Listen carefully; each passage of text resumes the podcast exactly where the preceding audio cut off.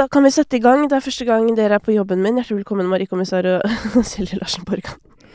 Tusen takk. takk. det er veldig rart å si etternavnet deres også, men velkommen skal dere være. Dere er altså samlet her i dag av en eh, Jeg har lyst til å bare si noe om bakgrunn. Uh, og den er litt flere ting. Det ene er jo at det nylig har vært en Spellemannprisutdeling hvor folk har blitt opprørt uh, på vegne av kjønnsbalansen. Så har det også blitt eh, foreslått at eh, dette burde bli tatt en eh, prat om. Og da jeg skulle tenke på sånn, ok, men hvem skal jeg snakke med? Og det er jo mange, for det kan vi også si, det er jo mange kandidater, holdt på å si, som kunne vært gode å snakke om dette temaet med.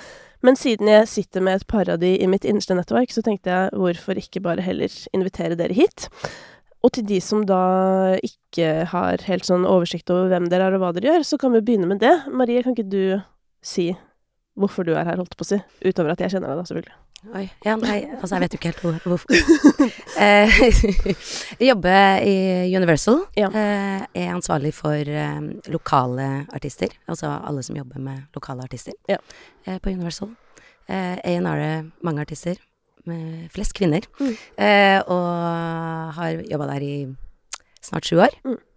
Eh, før det så jobba jeg jo i P3 sammen med deg Mm. eh, i seks år, eh, hvor jeg eh, jobba med å spilleliste musikk på, på P3 og MP3, Mm. hovedsakelig.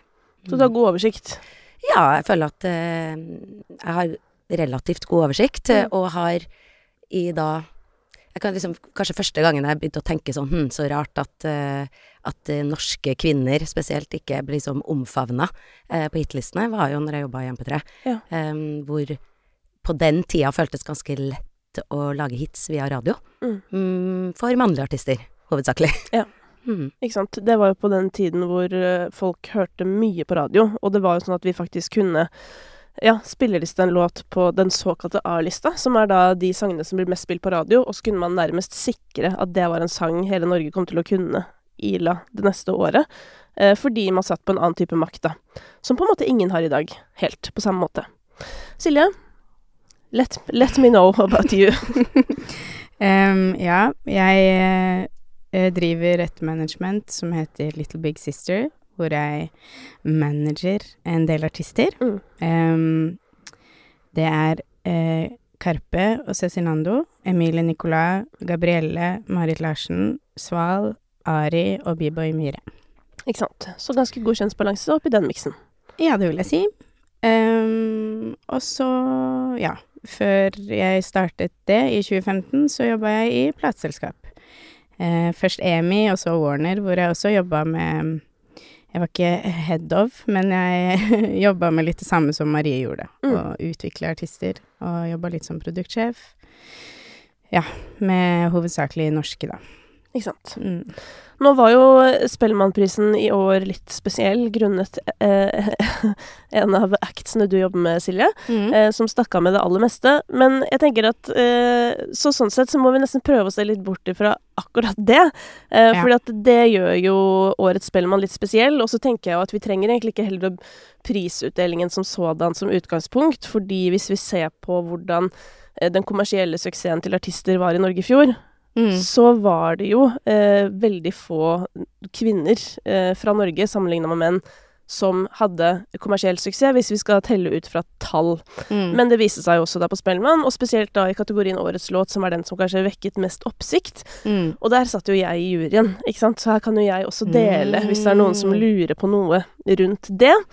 Men bare for å kommentere det kjapt, så Ja. er jo Dette er jo et tema som bryr meg alltid, hver dag, men eh, Og jeg hadde veldig lyst til å kaste meg inn i årets låtdiskusjon òg, men av helt åpenbare grunner så har det føltes feil å si noe, fordi uansett hva jeg sier, så kommer jeg på en måte fra Karpe. Ja. eh, så derfor har jeg ikke gjort det. Men nå prøver jeg ikke å skjule at jeg jobber med Karpe, men jeg er her jo mer som en kvinnelig manager og en feminist og en som du har invitert. Ja. Mer enn at jeg på en måte representerer de artistene inn her, da.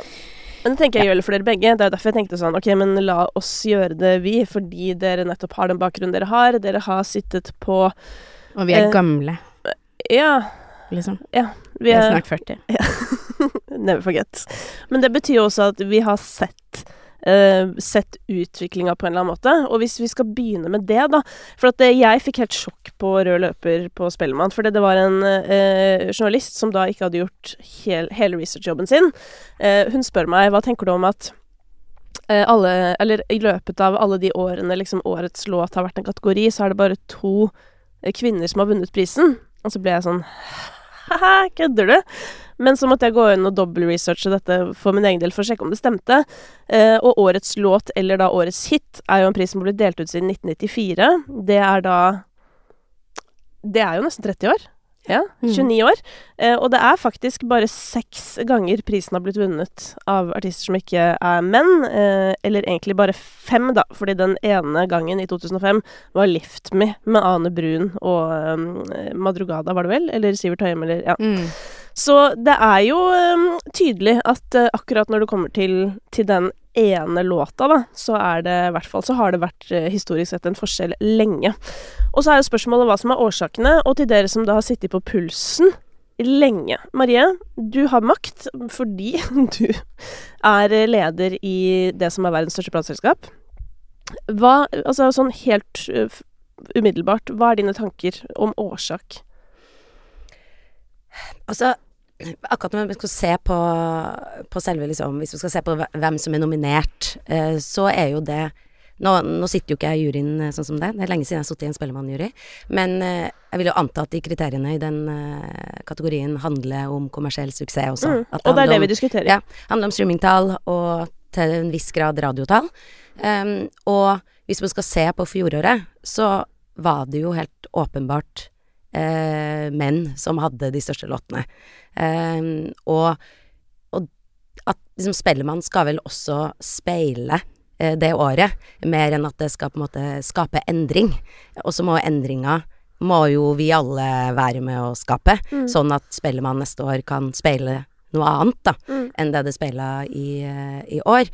Og så er det så vanskelig å, å peke på årsakene, fordi jeg tror eh, Altså, jeg tenkt mye på og sett mye på Nå liksom kan jeg jo gå inn, jeg kan jo se eh, data eh, på lytter... Eh, altså demografi på alle Universal-artister. Mm. Eh, så, men jeg har liksom gått inn på, på, på en del av eh, de som jeg jobber med, og de som var måte, både de som var nominert, og kvinnelige artister, mannlige artister, de som er på en måte innafor det kommersielle segmentet, da.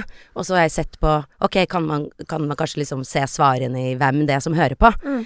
Eh, og så nå, Jeg sitter jo ikke på liksom den dataen, men det ser ut som at det er flest kvinner som hører på kommersiell musikk. Og at på de på en måte store um, skal jeg si uh, Artistene som består av mannlige uh, menn, eh, en eller flere, så er det ca. en sånn 50-50 balanse på lytting. Eh, mens eh, på kvinnelig så er det, er det ofte en kvinnelig overvekt, da. Og så er det selvfølgelig en del mannlige artister som har en kvinnelig overvekt. Det er veldig sjelden du ser en veldig sterk mannlig overvekt. Sånn at sånn hvis man skulle begynt å tenke sånn Å ja, fordi eh, menn hører ikke på kvinner, og kvinner hører på kvinner. Mm. Men det er jo mer kvinner hører på det som er populært, og Ja. menn hører på Jeg vet da fader. Menn. Eller noe sånt. Ja, her, her, og, at, eh, og at man Det er vel også på verdensbasis flest kvinner som er Spotify-brukere.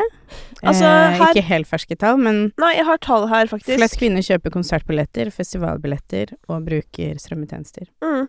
Det er uh, tall fra Spotify her. Dette er fra Balansekunst, da, som er et, en instans som jobber for å bedre likestilling i, i alle kunstfelt. Um, og det står her at totalt har Spotify 45 kvinnelige lyttere. Um, og at kvinnelige artister eller kjønnsblanda grupper mottar kun 22,6% av total antall streams. Kvinnelige lyttere strømmer 31,6% fra kvinnelige artister eller kjønnsblanda gutter, mens mannlige lyttere strømmer kun 18,3% fra de samme. Så ja, så sånn er det, da. Så det er jo, det er jo åpenbart én årsak til hvorfor ting blir som det blir. Men da er jo igjen spørsmålet Hvorfor hører ikke menn på kvinner? Eh, og hvorfor hører også Eller hvorfor? Det er jo ikke egentlig bare menn, fordi både kvinner og menn hører jo mindre på artister som er kvinner. Silje, hva er dine tanker? Mm, For det første så Det er lett å blande epler og pærer, holdt jeg på å si, når man diskuterer disse tingene. Og det er viktig å, for å ha en god diskusjon om det, så er det litt viktig også å avgrense hva er det vi snakker om her. Er Mm. det For nå snakker vi ikke om hvor mange kvinner er til stede på musikkfeltet i Norge, punktum. For da skal man jo Altså, det er jo enormt, eh, og inkluderer alle sjangere og alle utøvere og alle Mens nå snakker vi om hvem er det som har kommersiell suksess. Mm. For det er jo det som er grunnlaget for at vi er her og snakker om Det er jo på en måte bare Spotify topp 50 egentlig vi diskuterer. Hvorfor er det mest menn som, ja, som men topper der? også festivalplakater og alt som, Ja. alt som man kan kjøpe noe til, da, hvis vi kan Mm. si det sånn. Og der har vi jo eksempel en artist som du jobber med, som Emilie Nicolas, som selger konsertbilletter på en måte kanskje i en større grad enn hva som reflekteres i Spotify streams, da. Mm. Men jeg tenker at, at vi må diskutere hele, hele det kommersielle, eh, på en måte. Men det er jo lett å måle det i topp 50, for det har blitt en sånn mm. eh, en instans eller et sted som vi kanskje har blitt for opptatt av som måleenhet. Ja, og, og for eksempel med Emilie eller Gabrielle eller altså eh, kvinnelige artister som har blitt nevnt også i alle disse debattene. Som hvorfor er ikke de, er ikke de bra nok? Og, og der er det også viktig å bare stikke innom og si at det er ingen som anser noen av de som flopper i det hele tatt. Altså at man måler en, man måler en suksess på veldig mange flere ting enn streams, da. Eh, men så akkurat det vi snakker om nå, Spellemann som akkurat var, eh, topplistene i hele fjor, de, de er jo på en måte et øyeblikksbilde, da, av 2022 og litt inn i 2023. Eh, hvor eh, Undergrunn, helt fortjent, har hatt eh, supersuksess. Eh, Ballin, Beethoven alle, Jeg kan ikke alle navnene på alle, så nå skal jeg passe meg. Men Det var riktig. det tror jeg handler mer om en sjanger og en eh, noe som verden har trengt i det året som har gått, hvor verden åpenbart er på vei til å gå skikkelig til helvete på sykt mange måter, og at det handler mer om en, en sjanger som fungerer i en fase hvor verden trenger noe annet, mye mer enn at det er gutter som har lagd det. Eh, og at det er liksom litt tilfeldig, og det irriterer meg at det endte opp sånn i årets låt, at det bare så ut som Det er ikke noen damer som har lagd noe bra i fjor. Så Mm. sånn, sånn har det blitt, men det er på en måte mer en sånn Spotify brukes jo Spotify har jo partypeak hver helg, liksom. Det sitter jo vi og ser på, vi som gir ut musikk. som betyr at, at musikken folk hører på i helger, Ja, er litt annerledes enn det de hører på i ukedagene. ja. Ja. Og podkast har blitt større, som også gjør at at man kanskje At ting har liksom utjevna seg litt mer, og at det bildet Altså det resultatet man får i årets låt, da, som på en måte er de vinnerne vi fortjener, for det er jo vi som forbrukere som har lagd de, Ja. det jo vi som har hørt på musikken, det er Det er jo matematikk, liksom. Mm. Eh, folk hører på topplista eller disse Spotify-spillerlistene når de vorser eller fester eller danser eller holder på, og så, så er det selvforsterkende da når noe først har blitt en suksess. Mm. Eh, jeg tok også så litt på eh, tidligere årets låt, hvor både Det var et år hvor både Dagny, Julie og Susanne Sundfør var nominert, tror jeg. Sorry, jeg kan få hosteanfall. Da må vi slutte. Um, og jo, jeg tror vi er i en fase nå hvor verden trenger jazzete, uwoke, uh, whatever, fuck it-mentalitet på plate, liksom. Eller på stream, på låt. Uh, og jeg tror på ekte, hvis noen jenter hadde lagd noe lignende, så hadde det også fungert. Men det er jo ikke det som er målet. Vi sitter jo på en måte ikke her og har et panel for hvordan vi skal få flere kvinner inn i festmusikk. Da burde Karina Dahl være her, på en måte. Ja, for det, det var mitt neste spørsmål. at Men det sånn- må, det, gjerne, det må jo gjerne skje, men det er jo ikke det målet vårt. Det er jo ikke at alle sjangere skal være akkurat 50-50, eller at alle sjangere på en måte sånn Nå må vi finne noen som kan være kvinnelige uge... Vi trenger jo ikke det. Vi, vi vil jo bare Grunnen til at man kjemper for kjønnsbalanse i musikk, er jo den samme grunnen som at man gjør det på alle andre fronter. At man vil at styrer, business, teknologi, kultur, absolutt alt som er verden vår, skal speile det samfunnet vi har, Mm. og at eh, det skal være et mangfold, at folk skal oppleve seg representert i alle rom og i alle alle klasser og alle sjikter og alle bransjer, på en måte. Vi sitter jo ikke og tenker sånn at uff, nå har vi et skikkelig stort rappfenomen her som er gutter. Da må vi ha jenter òg. Det er jo ikke det. Nei, men det kan jo hende noen tenker det òg, da. Fordi, fordi at eh, Altså, apropos det, dette med festmusikk. Jeg kommer til å tenke på på dette TV 2-programmet som jeg var med på i fjor, eller i forrige fjor når det var, Norges nye megahit. Der gjorde jo Morgan Solele en låt for eh, Martine Lunde som heter Fuckboy, som har gjort det veldig bra, ikke sant? Fordi, eh, men i mitt hode da, så sitter jeg og tenker sånn, det er jo ikke det som heller er løsningen. At Morgan Solele skal lage sang til Martine Lunde som går kjempebra. Men det er jo på en Men samtidig, hun er jo med og drar opp statistikken, da. Jo da, men, men det, er jo, det er jo også på en måte å diskutere litt forskjellige ting. Ja. For jeg tror at hvis målet bare hadde vært å liksom Ok, nå skal vi bare Uansett hva, det, hva slags musikk det er, så skal vi bare lage hits som det er damer som synger. Så hvis alle hadde hatt fokus på det, så hadde det sikkert gått med på en måte mm, Sånn som Martine Lunde, og så bruke folk med plattformer eh, som ikke er artister, men bare liksom gønne på, da. Og så få en kjapt inn og kjapt ut eh, fra, fra charts, eventuelt at det blir liggende der fordi folk omfavner det. En, men, men jeg tror jo at eh, Undergrunn, eh, Ballin, Ramón Altså, det er jo ikke eh, på en måte låt, bare låter. Det er jo ikke blaff, det er jo artister som har bygd seg en fanbase også. uh, og det uh, er jo to forskjellige ting. Mm. Og så tror jeg um, at det er et viktig poeng eh, også at det liksom man ser, eh, som Silje sier også, da, at, at folk har liksom behov for den her eh, party Bare en eller annen sånn derre Nå skal vi bare ha det gøy og ikke tenke på ting. Eh, som da Altså Det kommer fra russemusikken, veldig mye av det. Mm. Historisk sett er det veldig få kvinner som har deltatt i det, de miljøene. Eh, når det var den eh, årets eh, hjemmesnekk på Rockefeller, det var jo bare to av bidragene der som var fra jentebusser, for Som eksempel. det er litt sånn hjemmelagde russe... Hjemmelagde. Der hvor russen synger selv, da, Ja. på, på russelåtene. Eh, og, og det Jeg har jo også holdt på og hørt på veldig mye russemusikk eh, når jeg jobba i MP3 også, Mm. eh, hvor vi hadde kåringer, og det er jo har jo alltid vært liksom de mannlige utøverne i den sjangeren. Føler også at hiphop har vært mange paneler og diskusjoner om hvordan få flere kvinner fram i hiphopen. Det har historisk sett vært en veldig eh, mannlig drevet uh, sjanger. Og når de to sjangerne, de som på en måte plutselig løfter seg opp, da, så blir det jo uh, skeivt.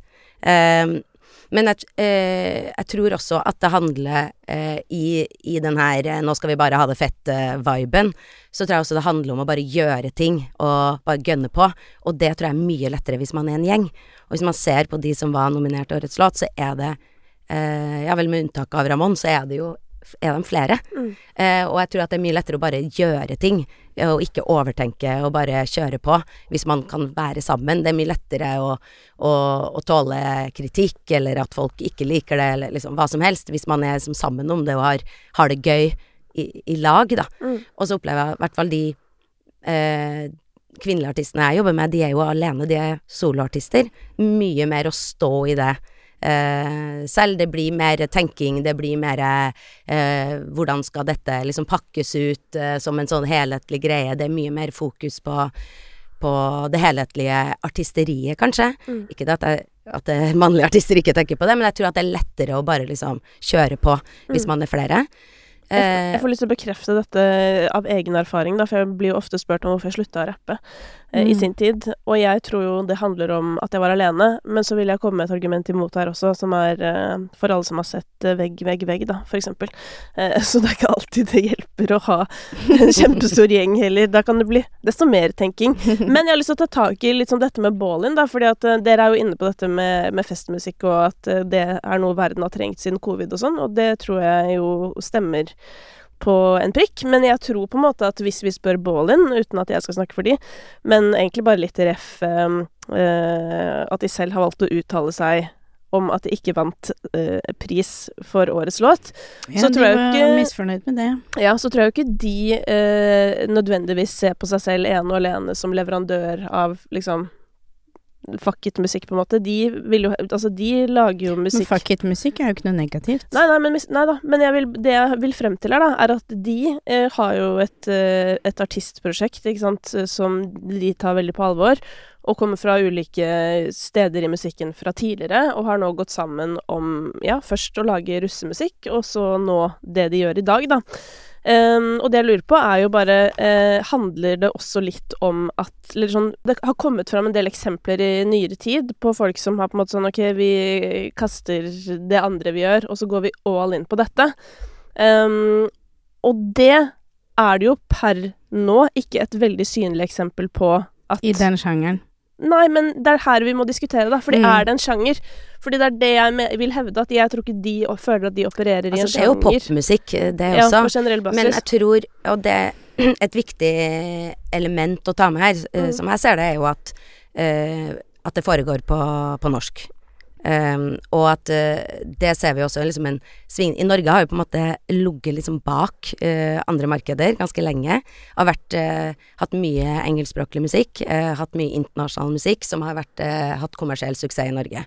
Um, og så under covid så ble det liksom en veldig styrkning av lokalspråk. Åpenbart så har TikTok vært med og drevet det, fordi det er lett å få på en måte fang, fange oppmerksomhet da, når det er på, på norsk. Men så har det liksom blitt en veldig dreining, hvis du ser på charts nå, det er veldig mye norsk musikk kontra hvordan det var før. Eh, og det som er kanskje liksom hovedforskjellen med de med selvfølgelig unntak på begge sider, men med liksom de mannlige og kvinnelige artistene som opererer innafor det kommersielle aspektet, er jo at veldig mange kvinner satser internasjonalt. Synger på engelsk, har liksom et sånt mål der ute, mens veldig mange, og det vi ser i de eh, årets låtkategori, da, det foregår på norsk. Mm. Eh, og det er veldig mange færre kvinner som opererer der, og eh, det er liksom Gabrielle har hatt eh, suksess på norsk, Synnøve har suksess på norsk, men det er jo ikke veldig mange eh, kvinnelige norske artister som går all in eh, på norsk. Det er flere og flere som dukker opp, men det tar jo tid også å bygge seg opp i posisjon. Eh, og, og de Altså de kvinnelige artistene jeg jobber mest med, og som vi helt klart bruker masse ressurser og krefter på, Mm. de synger på engelsk, eh, har et fokus som ikke bare handler om Norge, og samtidig som man ser en dreining i Norge på å høre på lokalspråklig musikk, da, så blir det en slags sånn Det betyr ikke at de ikke jobber like hardt, de bare jobber mot liksom mot et større større spekter da, enn liksom lokalt. Mm. Eh, og det er ulike måter å, å jobbe på. Eh, men jeg tror også at veldig mange av eh, disse artistene eh, med liksom grupper med menn nå, de har bare liksom kjørt Det har vært utrolig mye musikk. De har liksom holdt på og vært aktuelle veldig, veldig, veldig over lang tid, da, og bare gønna på. Og det eh, betyr ikke at andre ikke jobber hardt av at ikke det bare kommer ut like mye greier. Det bare jobbes på en annen måte. Mm. Men Eh, tror du ikke også de har fått veldig liksom, blod på tann i kraft av suksessen alle har hatt? Jeg tenker sånn Broiler og har jo plutselig største suksessen de har hatt på ti år. Det går dritbra for de, det går dritbra for Beethoven, det går dritbra for Ballin. Og man bare kjenner at sånn shit, det vi holder på med nå, går helt sykt bra. Og da får i hvert fall jeg, da, eh, eller det vil si, ja, jeg kan få et ekstra gir av det. Mm. Eh, og at det også er et viktig element her. Mens hvis du da Uh, er Ja, hvis Altså hvis Nå klarer jeg Jeg kan ikke sette meg inn i, men jeg bare ser for meg hvis det er Astrid S, eller det er Julie, eller det er folk som jobber egentlig og konkurrerer mot Rihanna på den ene siden, Mm. og samtidig merker at sånn Norge vil tydeligvis bare ha disse mennene som fester, eller at man Jeg vet ikke om det kan bidra til at også visse type artister kan få knekken. Eller litt, i hvert fall. Hva tenker du, Silje? Jeg tenkte på Nei, jeg tror ikke Nå har jeg levd av å snakke med artister i så mange år, og jeg har aldri Jeg tror aldri jeg har opplevd at noen har vært verken i nærheten av å få knekken, eller har på en måte fått Blitt mindre gira av å se andres suksess. Um, og så tenker jeg på Hvis man skulle sett bort ifra det med sjangeren til Ballin, for eksempel, så jobber jo Synne Vo minst like hardt som Ballin. Hun er litt uh, tidligere Eller altså De har ikke begynt samtidig, men hun jobber så beinhardt med å skrive og skape hits, helt åpenbart. Og der er det jo også Og det, det føler jeg man glemmer litt, for man skylder ofte på liksom plateselskap og hvor putter man pengene og sånn, men livebransjen har jo også et veldig stort ansvar her, fordi de store liveselskapene i Norge eier nesten alle festivalene i Norge.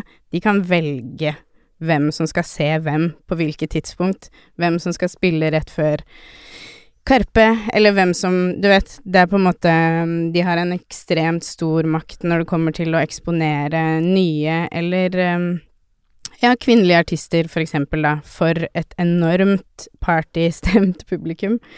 Um, men ja, det er riktig som Marie sier, at når man, har et, når man har et større mål, som flere av mine kvinnelige også har hatt, så, så er det på en måte ikke så er det ikke den topp 50 topplista man sitter og stirrer på, da. Spesielt ikke hvis man gjør engelsk, for da er det vanskelig. Ja. Men um, um, altså, bakgrunnen her, eller hva skal jeg si um, Utfordringene, de er jo de, de, ligger jo foran oss. Jeg har også tre sider her med tall jeg kunne lest opp fra Balansekunst, men det kan jo folk gå inn og lese sjøl.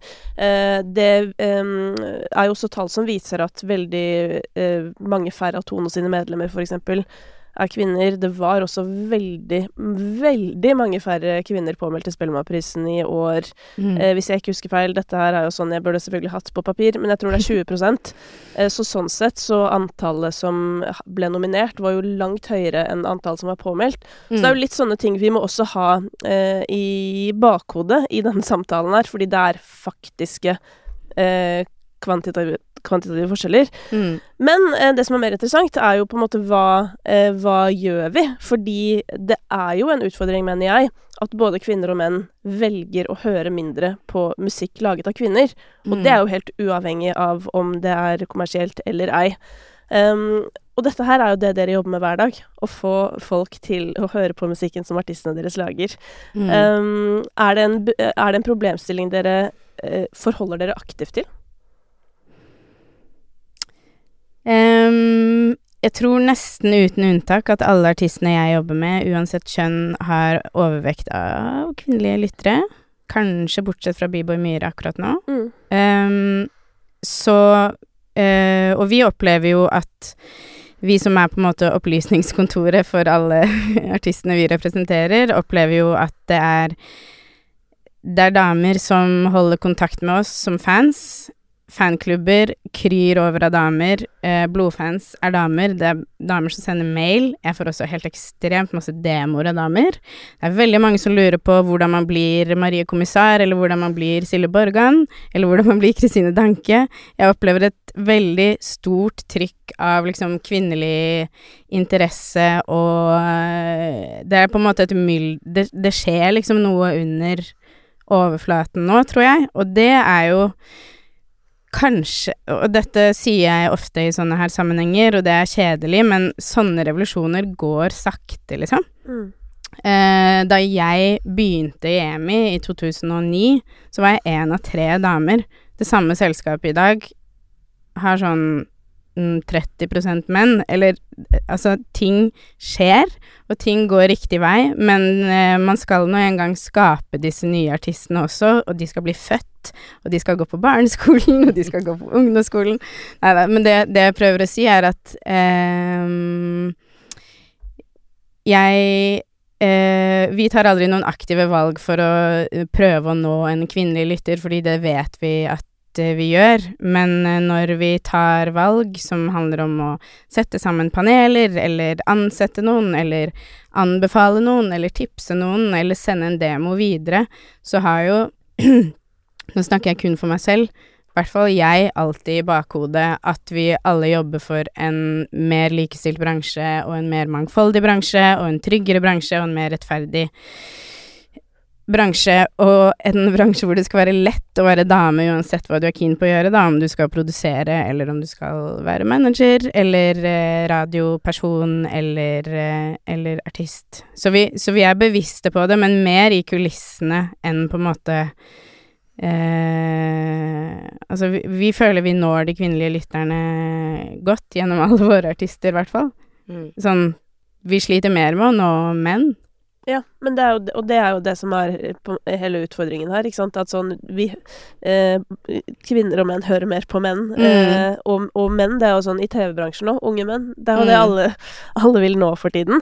Men jeg har Men det er jo det er mer Det er flere menn på menyen, da. Og, og det er det jeg mener med at det går sakte. At de som sitter nå og ser på Som sitter på barneskolen eller ungdomsskolen, jeg vet ikke, og ser på TV eller ser på Jeg vet ikke, hver gang vi møtes eller sitter og ser på TikTok og ser Gabrielle eller ser Emilie eller ser Dagny eller Astrid eller Julie eller Susanne Sundfør eh, eller Marit Larsen og tenker sånn eh, det, det er jo på en måte det det vi holder på med. Det er jo den revolusjonen vi jobber med. Det skal være like naturlig for dem å bli artist som for Fredrik. Mm. Jeg vil jo også legge til litt, for når jeg begynte i, i Universal for snart sju år siden, så husker jeg det første på en måte A&R-samlinga vi hadde. Eh, så var jeg den eneste kvinnelige A&R-en. Altså, jeg dro til Amsterdam. Var, dette var jo liksom eh, eh, AD, da, Amsterdam Dance eh, Event, og Mm. det var Altså, det er jo historisk sett eh, mannetungt opplegg, liksom, med DJs og produsenter. Jeg var også på en sånn greie med David Getta og sånn i EMI. Det Ja. var ingen damer. Nei. Og da var jeg den eneste kvinnelige A&R-en som var til stede. Vi Mm. hadde eh, den første bylarmen etter jeg begynte å jobbe i Universal, hadde alle de nordiske A&R-ene kommet inn. Jeg var den eneste kvinnen. Og nå så var jeg i Paris rett før påske på en eh, sånn sentraleuropeisk A&R-konferanse. Nå er det mange kvinner, Mm. og det har skjedd noe. Og ved at det er eh, flere kvinner som også er de som signerer artistene, så vil også tilfanget av kvinnelige artister, tror jeg, komme. Jeg jobber jo personlig med et helt klart overvekt av kvinnelige artister. Det betyr ikke at jeg ikke signerer menn, for det gjør jeg jo også. Og det, det gjør jo alle disse kvinnelige, men det vil jo også være et mer eh, at, det, at det er en jevnere hos de som også skal skape, eller være med å bygge disse artistene, da. Mm. Og skal jeg si at i Universal vi er 60 eh, kvinner som jobber der, og det er kvinner i, i lederstillinger og alt det der. Og alt det tror jeg nok er med å påvirke eh, tilfanget av, eh, av kvinnelige artister. Nå er ikke vi Det er ikke 50-50, men jeg telte opp før jeg kom hit, bare Ja. sånn at jeg skulle liksom være sikker på det. Og det eh, av de liksom aktive artistene vi jobber, da har jeg på en måte tatt vekk eh, Gabrielle som ikke, som ikke er i i liksom eh, utgivelsesmodus og sånn. Nå har jeg tatt vekk Sofie Elise, som vi ikke har gitt ut med på en stund. Eh, men da er det 17, eh, 17 kvinner og 24 menn. Mm. Så det er jo uje det er ujevnt, men det er på en måte ikke så eh, så ujevnt som det har vært, da. Nei, for det, Eh. der har jeg lyst til å spørre om en ting. For jeg tok en opptelling i fjor, eller når det var, og prøvde å poste en sånn eh, Jeg postet en veldig beskjeden melding i en eh, musikkintern bransjegruppe på Facebook. Eh, men det handlet jo mer om booking til denne podkasten. Og jeg, jeg merker jo at det er jo nesten to menn for hver dame. Med Mm. mindre jeg gjør svært aktive grep selv. Eh, For å endre Altså for å gjøre noe med det. Og da må jeg gjerne gå eh, til artister som er kanskje mer i startgropa, eller som færre har hørt om, mens jeg kan lett gå der ut og finne en rapper, på en måte, som er en dude. Men det, den opptellingen viste jo at det er jo eh, ganske betydelig mindretall av kvinner signert hos alle de tre store plateselskapene i Norge. Hvor mye har det å si, tror du, Silje?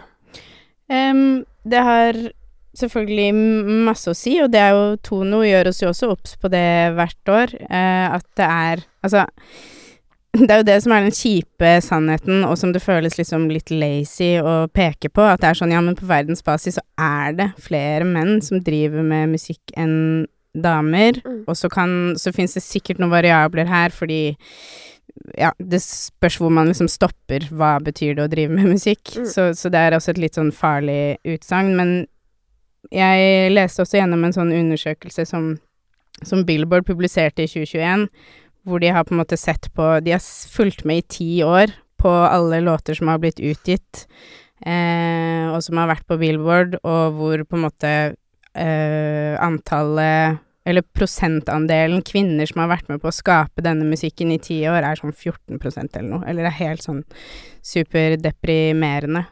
Um, og det er jo det er jo på en måte Hva var spørsmålet ditt, egentlig? Nei, bare om eh, Altså, hvor mye har det å si hvilke eh, artister som blir signert av de store plateselskapene? Ja, sorry, jeg mista tråden. Um, det har jo Altså, penger har jo sykt masse å si for Mm. å bygge en karriere, og det er jo Det var det jeg tenkte på når jeg gikk hit i dag. At sånn, hvis noen bare investerer i at jeg kan ha to ansatte til, så skal jeg love dere at jeg skal starte et kvinnelabel, og så skal jeg høre gjennom alle de demoene som jeg får fra alle disse damene hver uke, og jeg skal Eller du vet, fordi ofte så handler det jo om det handler om at noen putter inn tid til å utvikle deg, eller trygge deg, eller veilede deg. Eh, men for at noen skal gjøre det, så må vedkommende ha både tid og kapasitet, og der er det en eller annen transaksjon.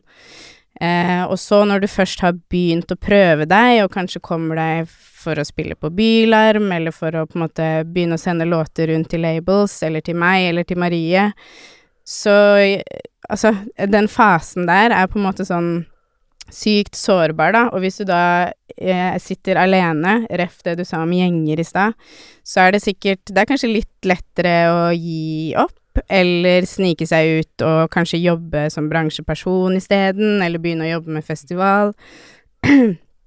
så jeg tror, eller jeg vet, eh, at eh, at akkurat det der at noen velger å satse på deg og velger å signe deg eller har trua på deg, har jo alt å si når du er i akkurat den fasen der, og derfor prøver jeg også sånn low-key å ta en kaffe med mange jenter som jeg ikke jobber med, bare fordi man vil liksom dytte dem litt i i riktig retning. Selv om jeg overhodet ikke har tid til å jobbe med flere artister, så er jeg sånn Jeg brenner så hardt for at de ikke skal gi opp, og for at de skal på en måte ehm, ikke sign der, ikke gjør det, please, ikke Eller sånn Du trenger ikke å krangle på dette, men dette kan du krangle på. Bare prøve å hjelpe folk i en eller annen Sånn at de fortsetter, liksom, og sånn at jeg ser dem på fem år Nei, om fem år på Slottsfjell, typ. Mm. Så ja, at noen har trua på deg, eller åpner en dør, eller peker på deg, eller inviterer deg inn, har jo alt å si. I hvert fall hvis det er det du trenger for liksom den derre Ok, jeg skal faktisk gjøre dette. Eh, så det er dritviktig, og det er jo det vi må jobbe med. Det er jo det vi på en måte har fokus på. Og det er jo sånn hos de, altså hos dere eksempel, Marie, da, eller hos alle store plateselskap, så har man jo også et krav om inntjening. Eh, sånn er det jo. Sånn er det jo i alle bedrifter.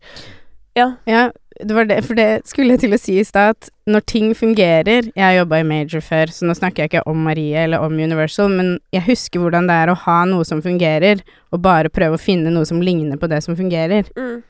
Altså, alle skulle Alle lette etter en Kygo. Og så kom Matoma, og så lette alle etter en Matoma. Ja. Og så kom eh, Eller du vet Matoma, egentlig. at, at det var en eller annen Stoppa sånn der. Ja, men, ja, men med masse respekt til både Matoma og, og Kygo. Um, man kan si det samme om eh, ja, kvinnelige artister som fungerer også. Finne en Adele, finne en uh, Ice Spice, finne liksom Finne flere av det som fungerer. Og det er jo det som er liksom litt brutalt for plateselskaper òg, som trenger en return of investment. At det er eh, Det er begrensa hvor lenge eller hvor mye tid du kan bruke på ting som ikke streamer. Og, og her er vi jo på mange måter ved kjernen av problemet. Fordi at uh, en del av de artistene som, uh, som du jobber med, f.eks. Silje, som er artister som har brukt ganske lang tid på å bli den artisten de er i dag, da, f.eks. Gabrielle eller Emilie, Mm. som, som kanskje i dag, i dagens samfunn, holdt på å si, uh, kanskje ikke plateselskapet lenger har tid til å følge den veien de trenger for at man gir avkastning. Og det syns jo jeg er interessant, fordi at um, Dette vet jo du mye mer om, Marie, som sitter i det den dag i dag, da. Men, men før, når platebransjen hadde Altså, de har jo gullalder alltid, for de tjener masse penger på musikken de har utgitt i alle herrens år. Men før, da det var helt sinnssyke salg, og det var også sinnssyke budsjetter på utgivelsene til folk, og man kunne bruke det dyreste alt, liksom. Um, og det skaper jo også en forventning å bli signert på et plateselskap. Sånn åh, nå skal jeg få musikkvideo, eh, som folk fortsatt vil ha, ikke sant. Og nå skal man få bilder og ditt og datt og fliff og flaff. Men så, så er det jo dette med at i bunn og grunn så er det bunnlinja som avgjør. Så hvor mye tid har man egentlig til å signere en ufer uferdig artist og følge det gjennom et løp? Altså, det varierer jo veldig, for Mm. jeg tror at vi vet jo at hvis vi signerer en helt uh, fersk artist, så tar det tid. Vi vet jo at ikke det kommer sånn. Eh, men jeg tror bare det å, å liksom se at man faktisk bygger sten på sten, at det er en utvikling, at det er flere og flere som er interessert. Pila må peke oppover, ikke sant. Det kan ikke bare stå der og så bare Det er ingenting som skjer, og vi bare pøser penger inn i det, og, og det er ikke noen flere som, som, som bryr seg. Eh, det handler jo på en måte om å helt tatt sånn bygge og utvide. Eh, vi eh, ønsker jo å bygge eh, langsiktige artistkarrierer, ting som er bærekraftig. Eh, men jeg tror også at eh, den tida som var før Altså nå er det jo, hva skal jeg si, det er mye mer demokratisk på et eller annet vis nå, da. Du liksom mm, Du går inn på Spotify, og det Selv om nå Du får jo på en måte eh, Du får det, det noen også har eh, Du får det du vil ha. Du får det Tro du vil ha. Spotify, i hvert fall. Eh, det er veldig mye, mye pers eh, personifisert, men du Men, men, eh, men du har muligheten til å finne alt. Og jeg tror før så var det jo klart at uh, gønna du på med TV-reklame og hadde de beste hylleplasseringene i, i, eh, i platesjappa, så var det veldig sånn da kjøpte folk det. Ja. Eh, også uhørt. Nå kan du høre en sang og så ja, likte jeg det eller likte jeg det ikke. Du trenger ikke å liksom konsumere hele albumet eller noe mer enn en låt. Hvis du ikke digga det etter 20 sekk, så hopper du bare videre, ikke sant. Mm. Em, sånn at jeg tror det å bare liksom kaste shitloads med penger i starten, det er det, eh, vel, er det ingen som er tjent med nå. Man må på en måte komme seg opp, man må bygge seg opp, da. Eh, og, og det er klart at eh, det varierer jo veldig hvor lang tid ting tar. Eh, var i Paris nå, og det var liksom veldig mange eh, som snakka om det å og liksom må nødt til å bruke lang, lengre tid og ikke bli så liksom Å, TikTok å, TikTok-hits som bare kommer og går, og Men liksom å stå i det og, og, og bygge karriere. Men på et eller annet tidspunkt så må man også liksom se Ok, dette vil ikke folk ha. Mm. Så er det samme hvor bra det er, eller hvor, uh, hvor høy kvalitet, eller hvor fett, eller hvor mye man brenner for det selv. Hvis ingen er interessert, så på et eller annet tidspunkt så må man jo også da uh, Og hvor lang tid det er, det, det kan jeg liksom ikke Det er vanskelig å si hvor lang tid det er. Men, men øh, at det tar tid å bygge en artistkarriere som er mer enn en sang som gjør det bra på en hitliste, det er det jo ikke noe tvil om. Mm. Og når man da, sorry, når man da sier 'dette vil ingen ha', eller 'dette vil ikke folk ha', så betyr det jo 'dette vil ikke nok folk ha'. Ja. Eh, fordi det finnes jo på en måte plateselskaper som har annerledes budsjetter enn dere, eksempel, som kan på en måte si seg fornøyd med lavere antall streams. Ja. Eller det er jo Det finnes jo en jungel av, av liksom instanser der ute, også som jobber som labels, og der eh, Det, det finnes jo masse på en måte Spørsmålet er jo hva er det man ønsker. Hvis kommersiell suksess er målet ditt, så vil du jo ikke være fornøyd med streamingtall som surrer og går, og at du kan spille At du kan spille liksom på 300, 300 kapp eh, hver uke en gang i år, eller sånn Nei, hver uke gjennom et år. Ja. Så det er jo en karriere for noen. Mens det hvis, hvis vi bare snakker om den kommersielle stormsuksessen som vi starta med å snakke om her i dag, så er det jo ja, åpenbart at Marie og, og Labels må på en måte kutte eller nedprioritere det som ikke fungerer. Ja, Og det husker jeg jo veldig godt fra min egen jobb, at man, man følger pengene, liksom. Det er Ja. veldig sad.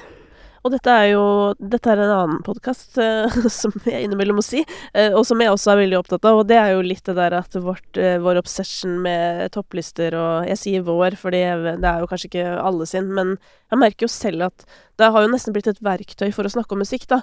Det er jo et Mm. verktøy for å snakke om tingenes tilstand, fordi det gir et bilde på ok, hva er det folk hører på, men så har jeg jo blitt desto mer opptatt av i senere tid, og bare sånn Fordi jeg ser jo podkasttall også, eh, og kjenner jo de veldig, veldig godt, og vet liksom akkurat hva de betyr, mer enn jeg vet hva, hva streams betyr. Mm. Men jeg vet jo at du kan streame en sang opp til ti ganger, og det blir fortsatt talt som en stream. Så i teorien, hvis eh, Undergrunn nå er på førsteplass med Michelin-stjerner, med 160 000 streams på den låta, så kan det jo i praksis bety Altså i verste fall bety at 16 000 har hørt på den. For at det, det, vet vi ikke. Vi vet jo ikke hva den fakt... Unike lytterne. Ja, vi vet jo ikke hva Altså, dere vet Det jo det for artistene deres. Mm. Men vi vet jo ikke Altså, jeg kan ikke sitte og se på hva som er den faktiske rekkevidden, Mens eh, når da andre mennesker Ikke at noen mennesker i verden bryr seg om det, men det fins noe som heter Podtoppen. Eh, som da er en liste over de mest populære podkastene i Norge. Som for så vidt også kun rommer podkaster som er gitt ut på visse plattformer. Mm. Så hvis eksempel du gir ut en podkast på Spotify, så kommer man ikke med på toppen. Så det er jo mye eh, feil og mangler i den listen. Men Mm. der er det i hvert fall telt unike strømminger.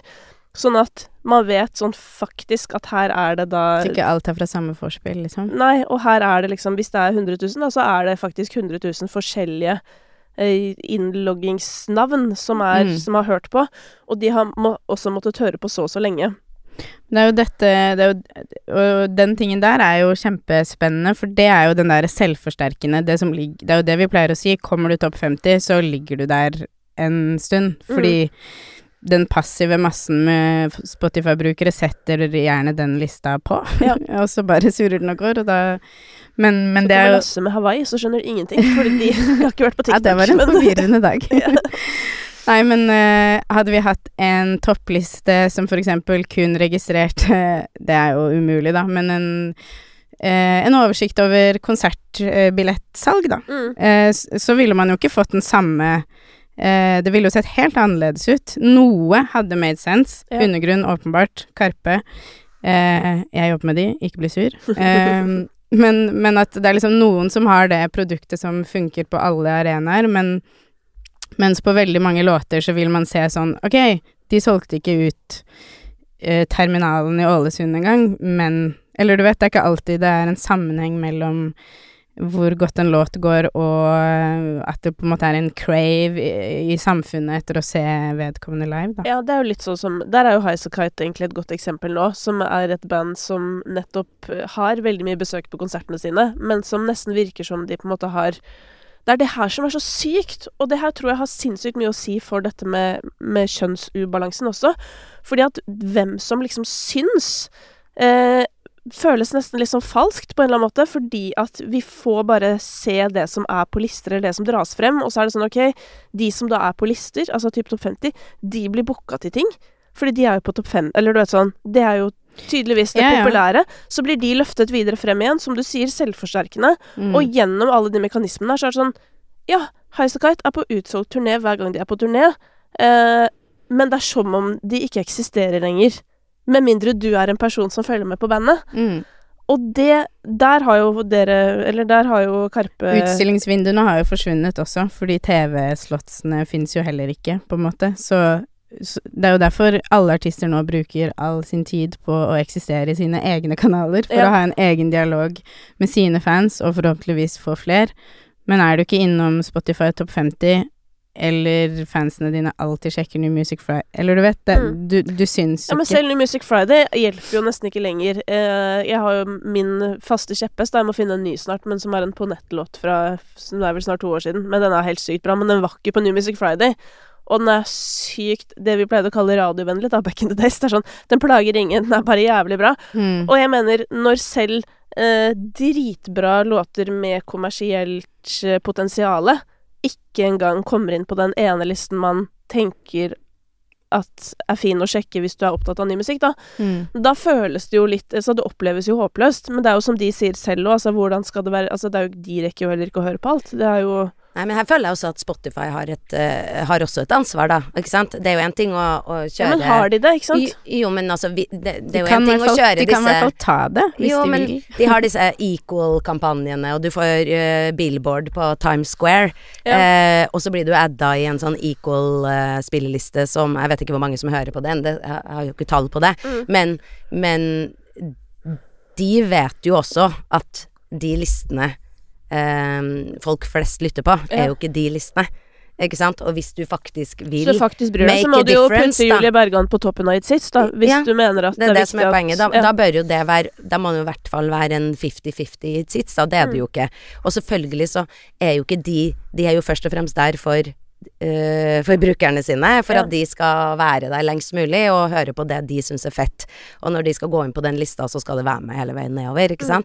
Så det kan eh, jeg, jeg forstår jo fra deres ståsted, jeg har jo programmert eh, radio, Mm. jeg vet jo hva som eh, hva, hva det handler om. Ja. Men jeg tror bare at et eller annet med å hvis du ønsker å ta den Og de snakker jo mye om, eh, om eh, at det er forskjell på kjønn og representasjon og låtskrivere, og, og invitere til middager og workshops, og det, det, det er jo en eller annen form for eh, ønske om å make a difference. Mm. Og så de viktigste eh, listene er kanskje være ikke like mye preg av det, da. Mm. Eh, og så skal jo også de eh, tjene penger for sine investorer, så det er jo litt sånn eh, Mm.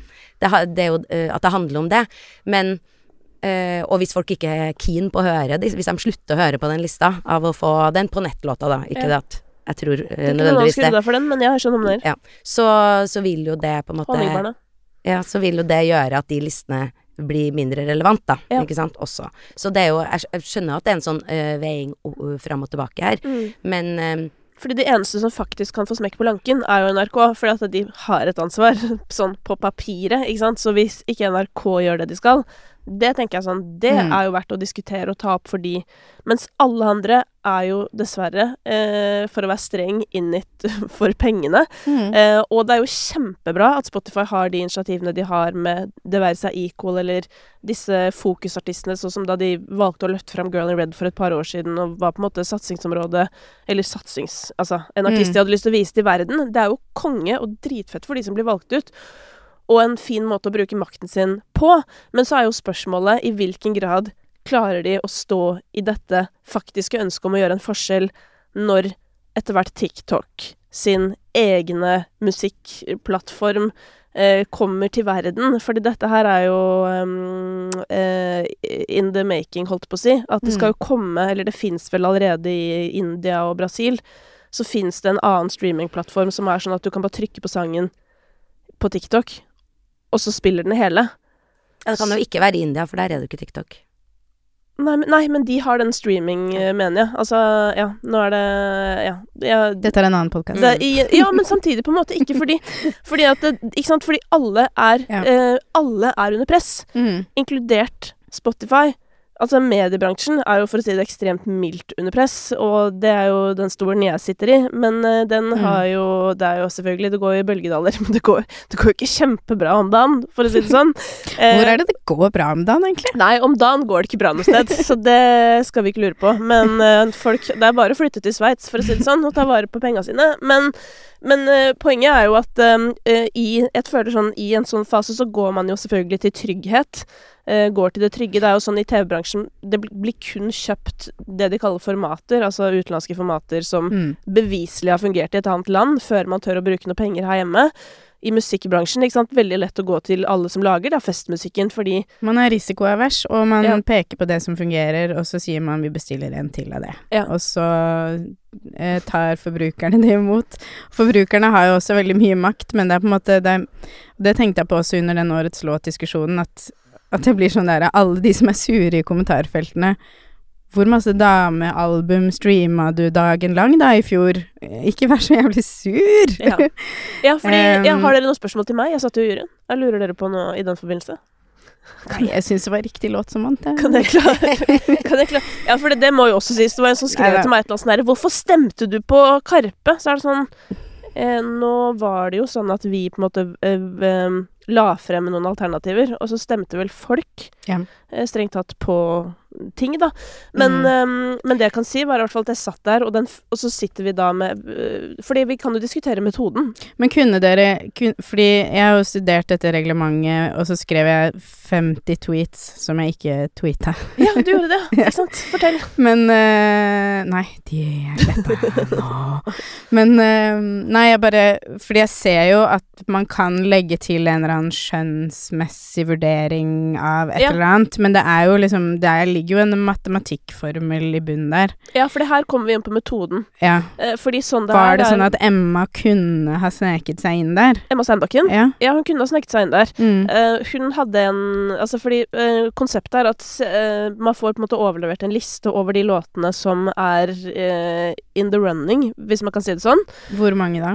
Det tror jeg var rundt 20. Rundt 20. Og av de 20 så mener jeg ganske bestemt at det var tre av de som var damer. Mm.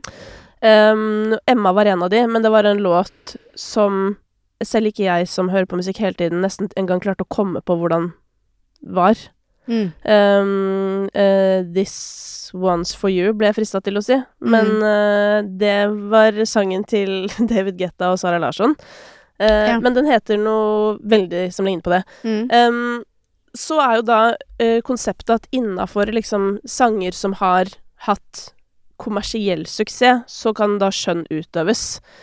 Men ehm, da var det Da var jo situasjonen, i hvert fall sånn jeg så den, da, var Eller den var jo eh, tallmessig sånn at det var på en måte Det var fem låter her, og så var det noen låter her, og så var det resten som var litt sånn nesten rart at var der. Men det er jo på grunn av radiospilling, ikke sant, at det regnes jo også inn som en viktig del av den prisen her. Sanger som da har blitt eksponert for folk gjennom det.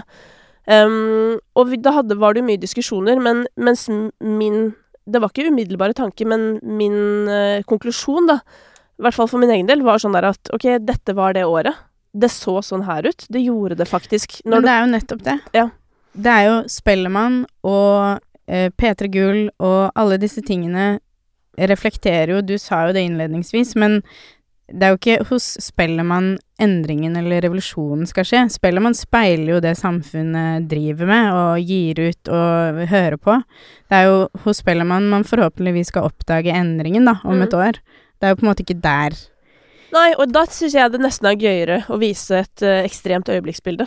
Og så Sånn er det jo var det i år. Ja. veldig overraskende hvis Emma Stenbakken ikke blir, eh, gjør seg gjeldende Neste, neste, år, ja. år. Ikke ja. Det hadde jo vært Mhm. eh, overraskende, ja. Fordi at eh, Emma står jo da for hovedendringen i år. Jeg syns det var litt gøy. Jeg hadde mm, eh, Jeg har gjort en opptelling, ikke sant, av topp 100 på Spotify nå sist uke, for å ta med litt flere, da. Um, og da er det selvfølgelig en del artister som er fra Som ikke er norske. Um, men 55 av låtene som ligger på topp 100 i Norge, er norske låter. Uh, 43 av de er artister som da er menn. Mm. Um, Ti er damer. Og så er det da to låter som er med Isa og Emma Steinbakken, da. Men av de ti artistene, altså de ti låtene som er damer, så er jo fire Emma Steinbakken. Ikke Ja. sant? Så utvalget av Mm. av damer på hitlista akkurat nå er eh, langt mindre. Men så handler det også selvfølgelig om dette, hvem er det som er aktive nå, Mm. og alt sånn. Og det føler jeg at er en, et viktig poeng, faktisk. At noen av våre største, største artister er jo faktisk kvinner. Eh, men På verdensbasis, Ja. ikke minst. ja, ikke minst. Mm. Mm, Men også her hjemme, når alt kommer til alt. da Når du kommer til å stå øverst på festivalplakaten. Sigrid og Er ikke Taylor Swift også den mest streamede artisten i verden? Kanskje etter Drake? eh, Det kan hende. Og så er eh, Ja. Og det Er det er jo ikke så overraskende, men da tenker jeg jo at sånn Det at man også har et annet hva skal jeg si, lanseringsløp for musikk, er jo også med å forme at artister til enhver tid ikke er inn på lista, mens Baalin for eksempel, som på en måte alltid, i hvert fall til nå, da, har på en måte hatt en låt ute siden de Mm. ja. kom inn på den lista. Så de har på en måte bare alltid, ja, så de har på en måte alltid vært der. Hvis jeg bare kan spole bare litt tilbake til å være Nå skal jeg være ganske liksom, generaliserende, Ja. men eh, jeg tror liksom hvis du ser på Karpe, og du ser på Undergrunn, og ser på Bolin, ser på Ramón eh, Beethoven er på en måte kjenner jeg ikke så godt, så der kan jeg liksom ikke eh, snakke om det på samme måten. Eh, og jeg tror kanskje at de faller litt utenfor akkurat det her, men jeg tror det man ser med disse eh, actsa også, er jo en veldig sterk fanbase. Ikke Mm. sant? De har bygget seg opp en sånn sterk fa fanbase.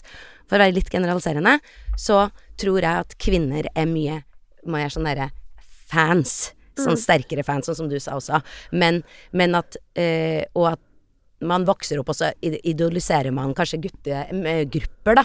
Og så når vi vokste opp, så var det liksom Det var Backstreet Boys, og det var NSYNC, og det var Ikke sant, herregud, gamle. Mm. Eh, Nei, men, jenter, jenter liker gutter. jo, men, men jeg tror at. Ja, det, men jeg, jeg tror at det er noe At, uh, at det er en sånn sterk eh, 100 fankultur ja. uh, som handler om å på en måte idolisere menn. Jeg tror at det er mange som i- idoliserer kvinner også. Altså Taylor Swift har åpenbart en sterk fanbase, og den er garantert overvekt av kvinner som er i den. Men, men eh, det ligger en eller annen sånn der eh, Det er det som gjør det at liksom alt svinger over til en sånn overtall av menn også, tror jeg. At, eh, at kvinnene også omfavner disse mennene og, og idoliserer og stemmer på da åpenbart Karpe som har et slott, og alle andre priser, eh, også fordi at de har jo helt åpenbart fans. Du selger jo ikke ut ti ganger Spektrum uten å ha en sterk fanbase. Uh, undergrunnen har snart solgt ut to ganger Spektrum sånn på et liksom, øyeblikk. Det er jo fordi de har en sterk fanbase. Og, og det handler jo om å på en måte bygge den, og det tror jeg er lettere for mannlige artister enn for kvinnelige artister, dessverre.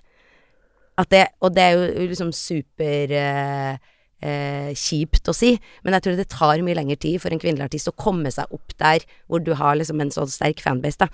Se på Balenciaga, på en måte, hvor Altså, de har jo holdt på en stund og ga jo ut 100 låter før det på en måte blow up til overflaten, men har på en måte klart å bygge seg en liksom sterk fanbase på den reisen, da. Mm. Eh, og jeg sliter liksom å komme på en eneste kvinnelig artist som har klart å bygge seg en såpass sterk fanbase på den korte tida, da.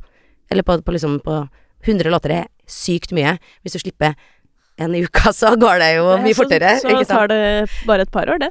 Ja, men det er det her, da, fordi eh, det er jo en ganske vill påstand, ikke sant. Og for PK meg, da, som eh, det gjør jo vondt langt inn i hjerterota. Jeg klarer nesten ikke å akseptere teorien engang. men, men tror du det er noe i dette, Silje? Eh, åh, det føler Altså mm, Jeg er jo Bare for å være enig på første delen av resonnementet, det med at eh, det er Altså, kvinner eh, Det er ekstremt mange kvinnelige lyttere, og kvinn, det har vi sett også på billettkjøpere, da, at det ofte er overvekt. Da jeg jobba i festival også, eller jobba i Bylarm, eller at kvinner er mer aktive, de tar eh, flere kjøpsavgjørelser. Og det, sånn er det jo på en måte på verdensbasis uansett hva du skal selge. Hvis du når kvinnelige, det kvinnelige overhodet i familien, så er du good, liksom, som merkevare, fordi det er vi som tar avgjørelsene, og vi, vi er eh, aktive, og um, kanskje litt følelsesdrevne i kjøpsøyeblikk. Em, så jeg Kvinner er jo Det er jo ikke sånn at mennene hører på menn og kvinner hører på kvinner, så derfor er alle må jo på en måte jobbe sammen om å endre dette. Men jeg har ikke reflektert over det samme som Marie, som Marie ramsa opp nå, at, at, ehm, at det er lettere for menn å på en måte danne seg den fanbasen. Jeg tror Jeg vet ikke, jeg tror igjen at vi snakker om en sjangerting her, da. Uten helt å vite hvordan alle disse har jobba, for jeg har ikke studert liksom noen av de. Vet at Ramón har vært utrolig sterk på TikTok lenge, og tipper at han at, han kanskje har ganske god overvekt av kvinner. Ehm, og eh, Men jeg Ja, nei. Men en ting jeg har tenkt på, jeg har bare lyst til å kaste inn i miksen her. Det men det er, er veldig interessant, da. Og, og, er, og man kan på en måte ikke bevise det heller. Nei, men, jeg, men, men for å bare reflektere videre rundt det, da. Mm. Eh, og her kan vi dra inn det med gjeng også. Det er ikke så mange eh, artister som på en måte tør å anerkjenne at de har fans. Eh, hvis dere forstår hva jeg mener. At man kommuniserer på en måte som er sånn Hei, der ute, mine fans, holdt på å si. Eh, det, det er det noen få som jeg tenker gjør. Eh, altså for eksempel Sondre Justad. han hadde jo den reisen til Spektrum. Da Da er det sånn Jeg har så mange fans, jeg. At jeg starter hos Mm. Victoria Arnesen. Eh, Shara til deg. Eh, og så regner jeg med at jeg selger Spektrum Mm. fra det. Det er ganske sånn Det er ganske sånn modig Mm. eh, på alle måter, vil jeg si. Mm. Um, og det føler jeg også med sånn med UG, da. Bare greit nok, de, det går jo åpenbart helt sykt bra for de, but still, å prøve å gjøre to ganger Spektrum når du breaka overflaten i fjor, på en måte, er jo også ganske crazy. Samme med Ballin var jo enda mer crazy, for det var jo enda kjappere, liksom. Og det, den, den derre eh, Hei, alle sammen. Dere er åpenbart veldig interessert i oss.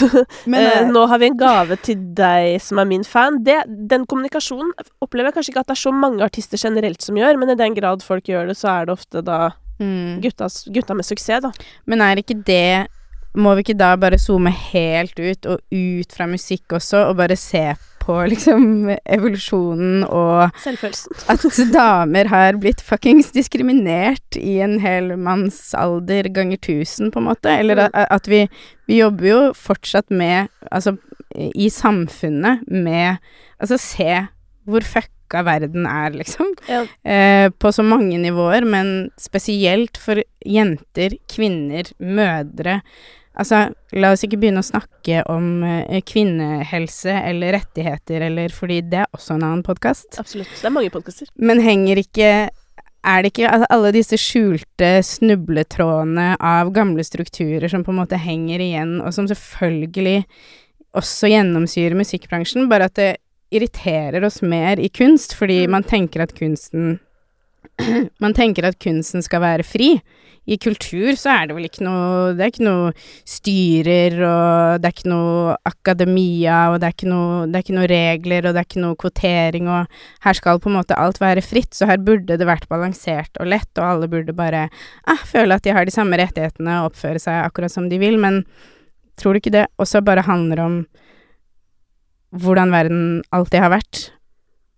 Det at gutter chiller'n litt mer enn jenter, liksom, på noen sånne ting, og har litt høyere selvtillit, tar den jobben selv om de ikke er kvalifisert, går inn i det rommet, snakker litt høyere, gjør metoo, liksom. Mm.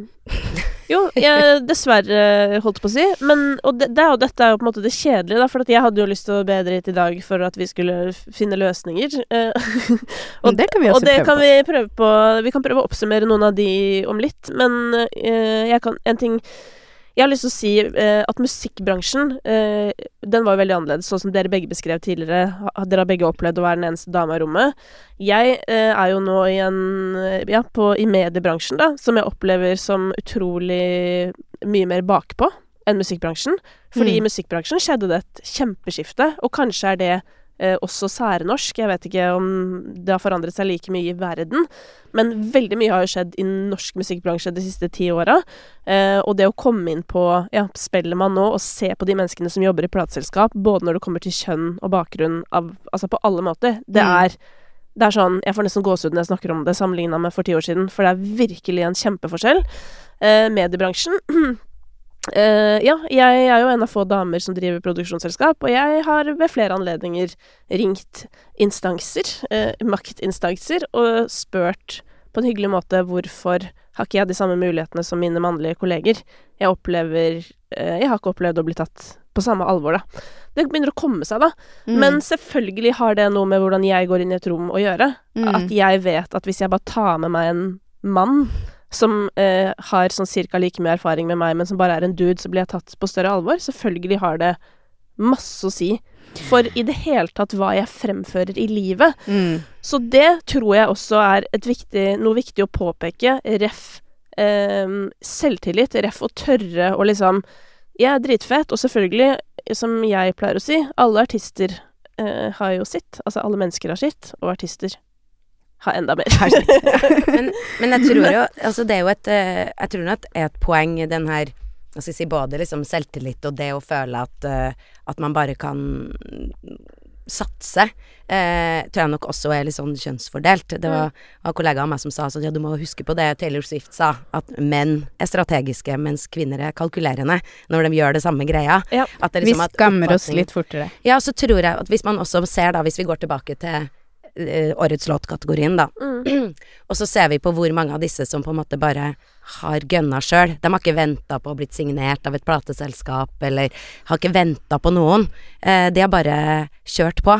Og så opplever jeg jo at det er mange færre kvinnelige artister som Eh, altså de er mer trygghetssøkende, går, kanskje må finne seg et team først, eh, finne seg Få den platekontrakten Altså før man begynner eh, jobben, da, ordentlig. Og det gjelder ikke alle, så det er ikke liksom sånn nå skal alle over en kam. Det fins eh, 100 eh, eh, eksempler på, på det motsatte. Men jeg opplever at det er veldig mange flere menn, også fordi at det er flere mannlige artister, selvfølgelig, men som bare, som bare kjører på sjøl.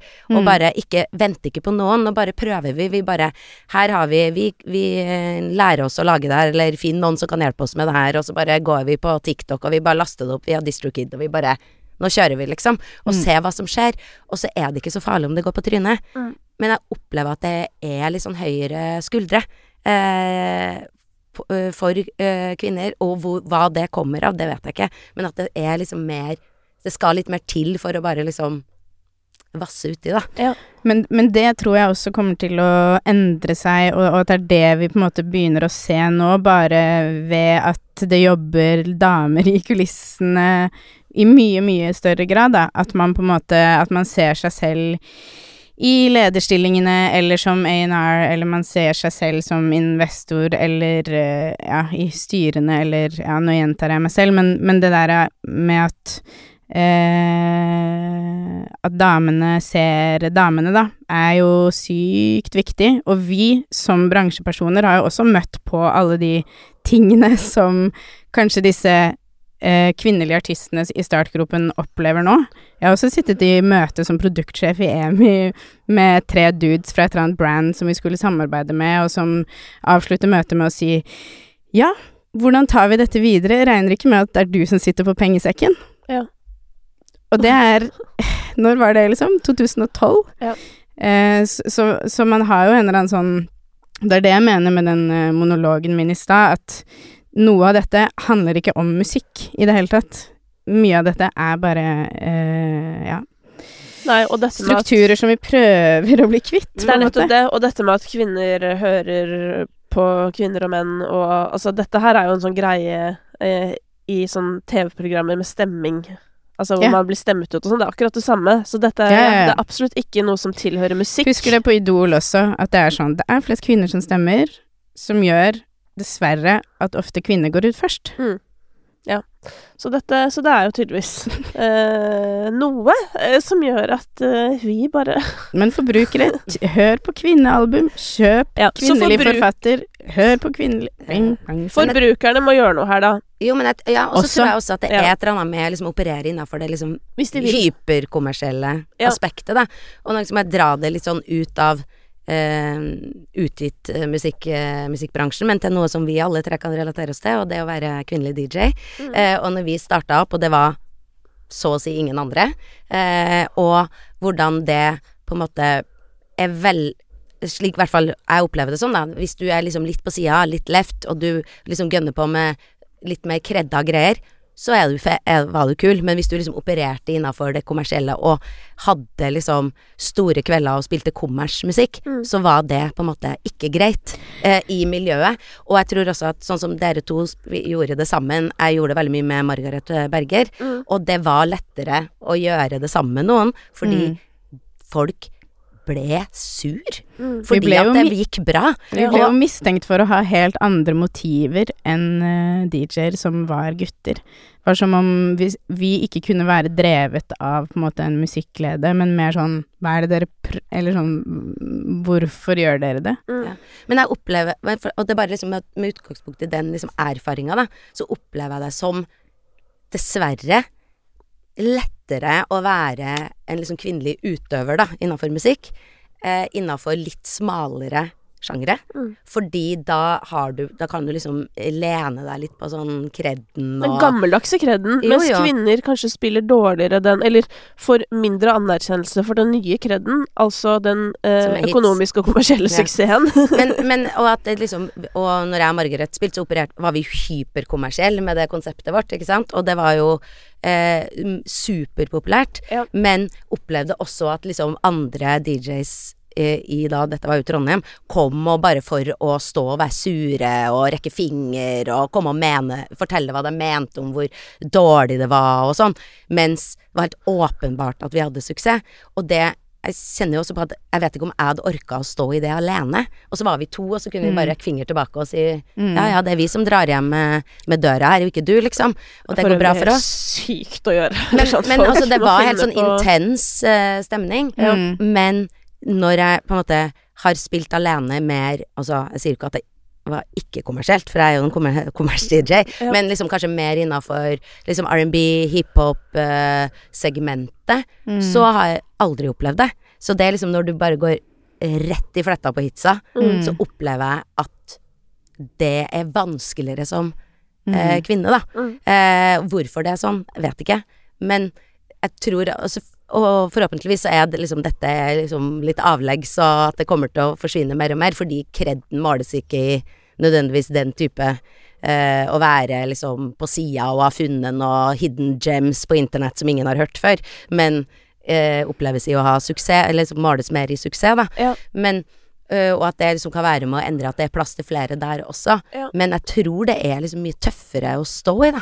Jeg tenker at liksom eh, Gjeng, da. Ok, for nå, er vi, nå er vi på løsninger. Så gjeng eller nettverk, supportsystem, Mm. og man ikke blir signert, men å sørge, ja. Spørre deg om å ta den kaffen, eller Ja, og det, og det, men det er det som har vært vanskelig òg, fordi jeg har ikke tid til så mange kaffer som jeg skulle ønske, og det, og det er derfor jeg noen ganger tenker sånn, og stadig mer har jeg tenkt det de siste ukene òg, at bare Jeg vil gjerne være storesøsteren til alle som er yngre enn meg, som jobber i bransjen, eller prøver å bli artist, eller vil bli produsent, og jeg vil gi Og jeg kan snakke i timevis, liksom, når folk lurer på noe, men, men tid strekker ikke til og sånn, så jeg går ofte og tenker på sånn Hvordan kan jeg sette dette i et system som på en måte eh, Jeg er jo rotehue, liksom, men, men hvordan hvor- For det er jo trygghet et stikkord her, eller hvis man skal oppsummere det, da, så Og selv om det også føles litt reduktivt og litt banalt, så er det sånn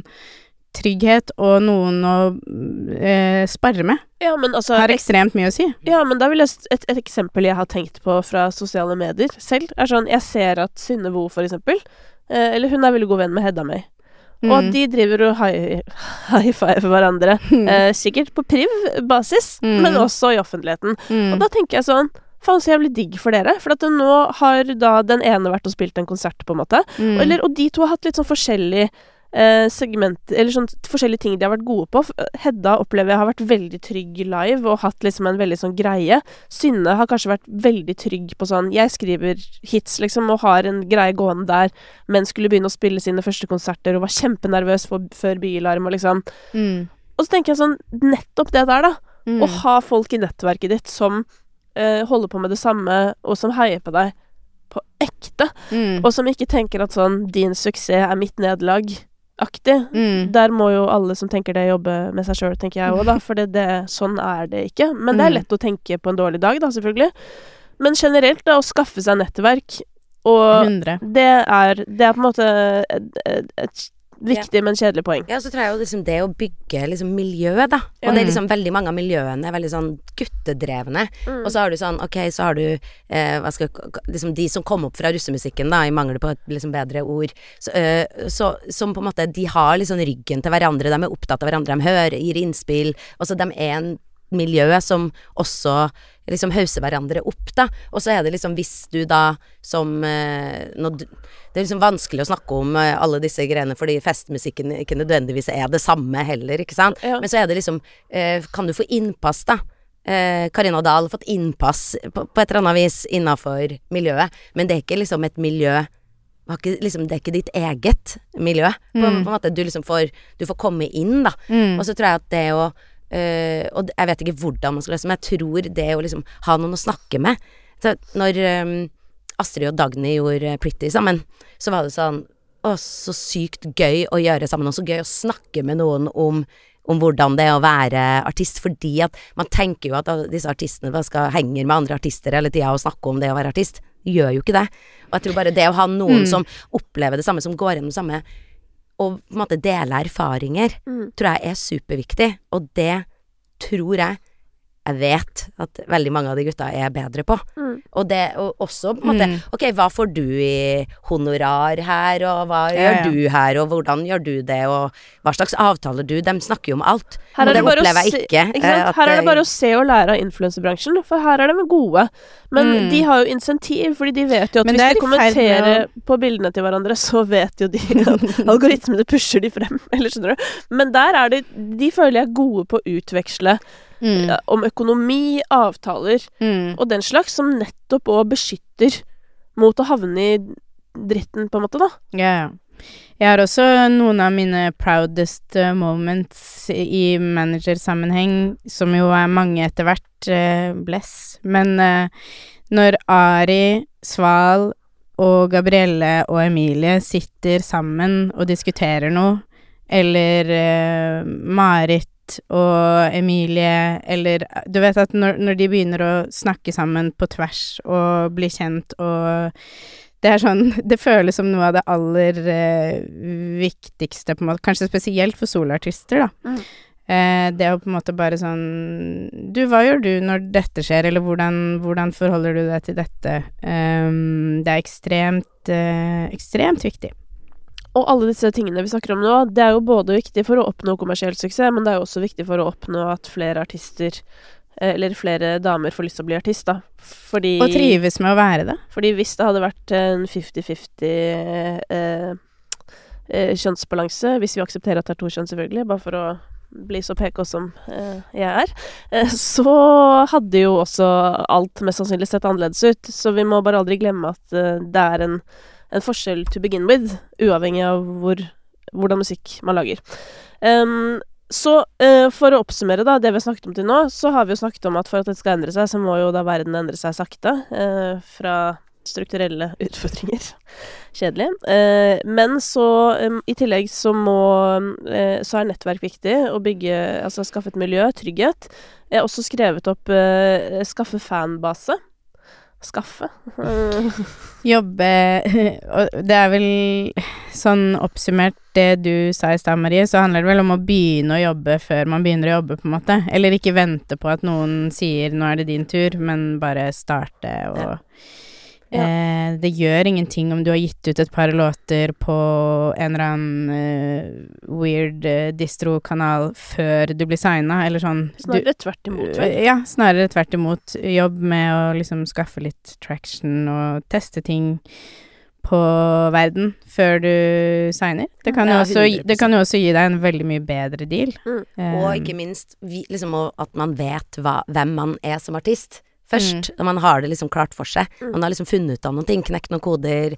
Eh, altså, jeg tenker jo at liksom det utrolig fine med sånn som TikTok nå, og du kan bygge deg liksom community, og så kan man på en måte få eh, Man kan kommunisere, da, Ja. med, med noen, og få veldig sånn instant feedback på ting mm. eh, også. Så jeg tror liksom at man kan finne ut hvem eh, eh, hvem er jeg som artist? Eh, hvordan, hvem er det som bryr seg om det? Hvem er målgruppa mi? Hvem er det jeg skal nå ut til? Hvem er det jeg kommuniserer til? Alle disse tingene. Jo mer man har klart for seg, jo bedre er det.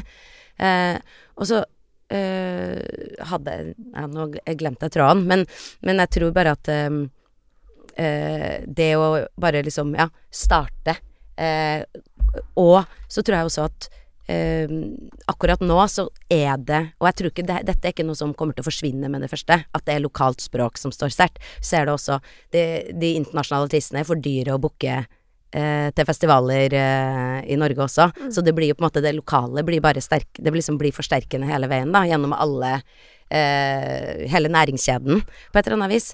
Og jeg tror jo også at hvis ikke du har et mål om å bli liksom verdens største artist, eller har liksom en sånn derre globale ambisjoner og er klar for den jobben, Mm. så tenker jeg jo sånn Kan du synge på norsk, og vil liksom Er Norge eh, målet ditt, så burde du på en måte gjøre det. Omfavne det også. Jeg tror jo at vi også akkurat nå har en liksom mindretall av eh, kvinnelige artister som gjør eh, morsmål. Eh, og at det også påvirker selvfølgelig hvordan det ser ut, da. Hvis man bare skal gå liksom på charts.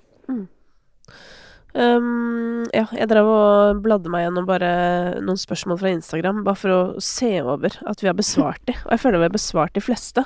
Uh, men det er også, uh, det er også en X-faktor her, uh, som er sånn hvordan skal man jevne ut kjønnsbalansen når AI kan gjøre låtskrivere overflødige? Men vi får se, da. Åh, men jeg kommer gjerne på den podkasten, faktisk. Ja, for det Det er spørsmålet er, jo jo Jeg så Altså, jeg tror det var Rein... Nei, hvem var det? Det var de derre um, uh, Helge og Ja, altså et par produsenter uh, som er med i Northkid. Ja. Um, som hadde postet en sånn gøy TikTok hvor AI hadde skrevet en låt. Uh, og det er jo liksom sånn Jeg tror jo at sånn eh, For de enkleste ting så det, funker det, det, liksom. Ja. Eh, og egentlig Reklame- for mer avanserte ting òg. Reklame og boksmusikk og sånn har et godt hjelpemiddel nå. Ja, absolutt. Men så spørs det da om det blir noe Om det blir noe Baraf, da. Eh, Signert av AI. Den er litt tyngre.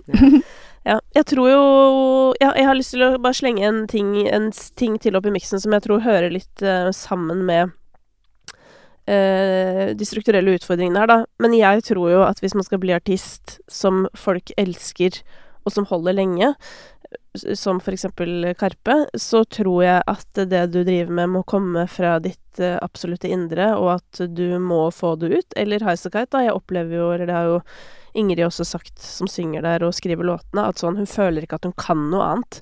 Og jeg sier ikke at man ikke skal kunne andre ting hvis man er artist. Det er jo konge hvis man kan snekre og sånn òg, selvfølgelig. Mm. Men, men det der at eh, å ha et behov, et formidlingsbehov, som handler om at sånn Dette må ut. Jeg må dele det. Mm. Tror jeg er sinnssykt viktig. Fordi jeg personlig, det er det jeg vil høre på. Og det tror jeg skinner sinnssykt igjennom. Men så tror jeg at for å få til det, så må du enten ha Kanskje være født uten veldig mye selvbevissthet, sånn at du bare tør å si det du har å si. Eller så må du ha tryggheten og selvtilliten nettopp til å dele det med verden, da. Men det må du tørre å stå i, liksom. Fordi en gang du prøver å bare sånn Å ja, nå er det dette som er populært. Kanskje det skal bli litt mer sånn eller litt mer sånn. Mm. Ja, da er du ute å kjøre. Det er det jeg også prøvde å si, sikkert på en komplisert måte i stad, men, men vi snakker jo alltid om det hvis vi snakker for um, yngre bransje eller artistspirer, at det er ikke liksom Det er ikke pressebildene, det er ikke markedsbudsjettet, det er Det må starte med musikken. Visjonen må komme fra deg, liksom. Det, alt skal starte med musikken. Uten det så, så er det Altså, da er det bare et tomt skall og en kortsiktig greie. Og det er også det jeg mener når jeg sier at ehm, dette handler jo ikke om at hvordan få flere kvinner inn i festmusikk, sånn egentlig. Eh, for det handler ikke om at flere kvinner må lykkes i akkurat den sjangeren som topper Spotify akkurat i dag. Det handler jo bare om at flere kvinner på generelt grunnlag skal jobbe med og leve av musikk og bli konsumert. Um, ja. Men de må gjøre det på sin egen måte. Hvorfor er det ikke flere som lager akkurat det Ballin gjør nå? Vet ikke. De holder på med noe annet, sikkert. Som vi får høre snart, forhåpentligvis. Ja da, og så er det jo eksempler som Jeg bare begynte å tenke på Sissa nå, for eksempel. Som bare holder på med noe helt annet. Og som også norske folk Som Alle krangler om å få henne til Norge på en eller annen måte, liksom. Uh, krysser fingrene for at det går. Ja. Så det, det fins Og Icespice, da, for å ta et eh, enda nyere eksempel, da, som på en måte ja, har tatt verden med storm, og som har gått egentlig like fort. Det har gått, like, har gått fortere enn Ballin. Altså, det har gått helt Mm. sykt fort, liksom. Bestemt seg for å lage musikk Mm. for et kvarter sia, føles det ut som. og så bare Jepp, hele verden bryr seg om deg. Ja. Men jeg tror, uansett hva slags liksom, sjanger det er, og Ja. hva du gjør, så må det jo oppfattes genuint. Jeg tror ikke folk liksom Du kan sikkert ha én låt eller to eh, som eh, funker, og så ser jeg jo ja, Martine Lunde og Oskar Vestelin og det megahit-greia. Ja. Eh, altså, du kan ha en låt eller to som eh, går inn og så eh, er morsomt, eller eh, hva det nå er, men jeg tror ikke liksom Hvis ikke det kommer fra et genuint sted, Mm. så tror jeg at folk Altså, det blir gjennomskua. Mm. Eh, kanskje ikke med en gang, men etter hvert. Jeg tror du Mm. må Og så er det litt sånn Hvis det er noen damer der ute som hører på, som er jævlig keen på å være liksom innafor ball-in-verden, så burde de bare kjøre på. Men da må du jo liksom være keen på det. Du ikke, kan ikke bare kaste deg på det fordi at man tror at det skal være liksom en easy win. Fordi det var jo også mange låter eh, på eh, ferden mot eh, gjennombruddet for dem også. Mm. Jeg tror ikke liksom jeg tror ikke man kan se på det som bare for at man ikke hadde hørt ø, om dem før Loud Luxury, så var det ikke liksom masse jobb som lå bak der. Så jeg tror man må Du må jo genuint uh, Det må komme fra et uh, liksom ditt indre, og du må synes det er gøy og fett å tro på det sjøl. Mm. Uansett hva det er. Om det er liksom Og hvis du gjør det, så er det jo ganske lett nå, faktisk, å slippe ut eh, musikken din selv, og promotere den selv, og potensielt få til noe selv, da. Og der er jo jeg også Jeg er jo besatt av at eh, om ikke vi er, vi er vår egen lykkes med-aktig, eller noe i den duren, da. Litt fordi at den verden vi lever i nå, er såpass fucka som den er, både eh, rent samfunnsmessig, men òg på en måte når vi ser på topplista, det er jo litt sånn Altså, for all del, folk må jo høre på hva de vil, og heldigvis nå syns jeg er den, er den litt mer um, diversifisert. Og det er jo ikke noe gærent med noen sjanger i det hele tatt, men det var jo litt rart en periode i fjor eller når det var, når det er sånn Å ja, er dette Representerer dette oss? Hører vi kun på denne musikken? Hører vi kun på to damer, eller hva det var? Eller sånn, det var en periode hvor det var til og med én dame på topp 50 i Norge. Er det er det sånn det er her, på en måte? Um, og det da må ikke man huske på at det ikke er unike lyttere, da. Ja, det, det hjelper. det, det hjelper litt. Pluss at det er jo òg Det er jo mange flere abonnenter på Spotify i Norge enn uh, en så 160 000, da, hvis det er det nummer én har. Mm. Så det betyr jo bare at folk hører kanskje egentlig på dritmye forskjellig, men så er det noen som velger å bare høre på det greiene der. Men uansett hva, da, så, så mm, kan vi godt på en måte sitte eh, på vår i sofaen vår og være sånn derre Ingen bryr seg om meg, og jeg har dette prosjektet her, og det kommer aldri til å bli noe fordi ingen bryr seg Altså sånn Det er jo et valg å ta, å, å velge det, men der er jo min innstilling at sånn Du må skape din egen greie, og hvis du har noe å formidle, så må du lage ditt eget univers. Du må begynne å lage de sangene, du må skaffe deg de kontaktene du trenger, og du må få det på, fordi det er ikke liksom eh, For å være streng, det er heller ikke noe menneskerett å leve av musikk. Nei, du må vise at du eksisterer, og så må du, ja, være litt consistent på det du driver med, og det er jo, altså Det er veldig nerd av meg å bruke Karpe som eksempel nok en gang, men de har gått en lang vei, liksom. Ja, men jeg syns det er det beste eksempelet, fordi vi kjørte rundt i en Kanskje ikke Toyota Corolla, De sto på men, eh, Hafjell og prøvde å få folk til å snu seg i slalåmbakken, liksom. Ja, Eh, Vi var på og- ungdomsklubbturné, vi alle tre, holdt på å si, i Mm. 2002, på en måte. Og det er litt sånn Det må folk aldri glemme. Og det kom ingen. Nei, Men jeg tror at det er veldig lett å ikke se det. Ja. Og det er sånn Dagny som brukte liksom fem år på å spille på alle sånne derre eh, puber i London hvor det gikk an å spille musikk, for å bare liksom komme inn i det. Det er jo Mm. ingen som vet det. Bare tenker å ja, så kom backbeat, og så var det Mm, det var ti år liksom senere. rett inn, ikke sant. Mm, Og så er det masse arbeid som ligger bak det. Det er masse, mm. ikke minst live-erfaring og trygghet i å stå på en scene som ligger bak det, som gjør at du kan da følge opp den låta Mm. med å stå på en scene, og det bare oser selvtillit av det. Og at jeg tror at det er så lett å, å glemme den jobben, og det, den er så viktig. Mm. Eh, uansett, fordi når man først kommer til overflaten, så ligger det jobb bak. Altså, Mm. Ramón Altså, det er masse eksempler på, på dette hvor folk tenker at det bare var et sånn Skjedde. Bare skjedde av seg selv. Men det er jo veldig sjelden ting bare skjer av seg selv. Det fins ingen ekte snarveier, på en måte. Du kan ikke lure noen til å bli fan. Det Det blir, det blir vanskelig. Så enten så blir du Heldigvis, da, vil jeg si. Ja, ja. Du kan ikke det. Så det er faktisk ikke et hack eh, noe sted her. for du kan ikke lure noen. Så Nei, nei. Før kunne du lure noen med å lage kul TV-reklame, som for øvrig kosta sykt mye å Mm. ha på TV, liksom. Og så kunne du bruke hitsingelen din, og så kunne noen kjøpe CD-en din, og så hadde du fått pengene dine. Mm. Vi vet ikke om noen hørte på den CD-en ever, men den var i hvert fall solgt, og vi hadde fått pengene tilbake. Ferdig. Ja. Mens nå må du Folk må liksom trykke på play hver dag, da, og det Da må du røre noen, da. Ja. Engasjere noen. Ja. Og det har vi jo alle det samme utgangspunktet for å få til. Så, så på en måte vi Det kan vi jo være enige om, bare så det er sagt. Her sitter vi jo og snakker om som om ting er forskjellig, og da folk, eh, spesielt eh, på TikTok, da, hvis jeg sier noe om dette, så er det alltid sånn her Herregud! Må du snakke om det? Det er ikke noe forskjell! Så er det sånn Eller om gutta lager bedre sanger, da. Bare rolig.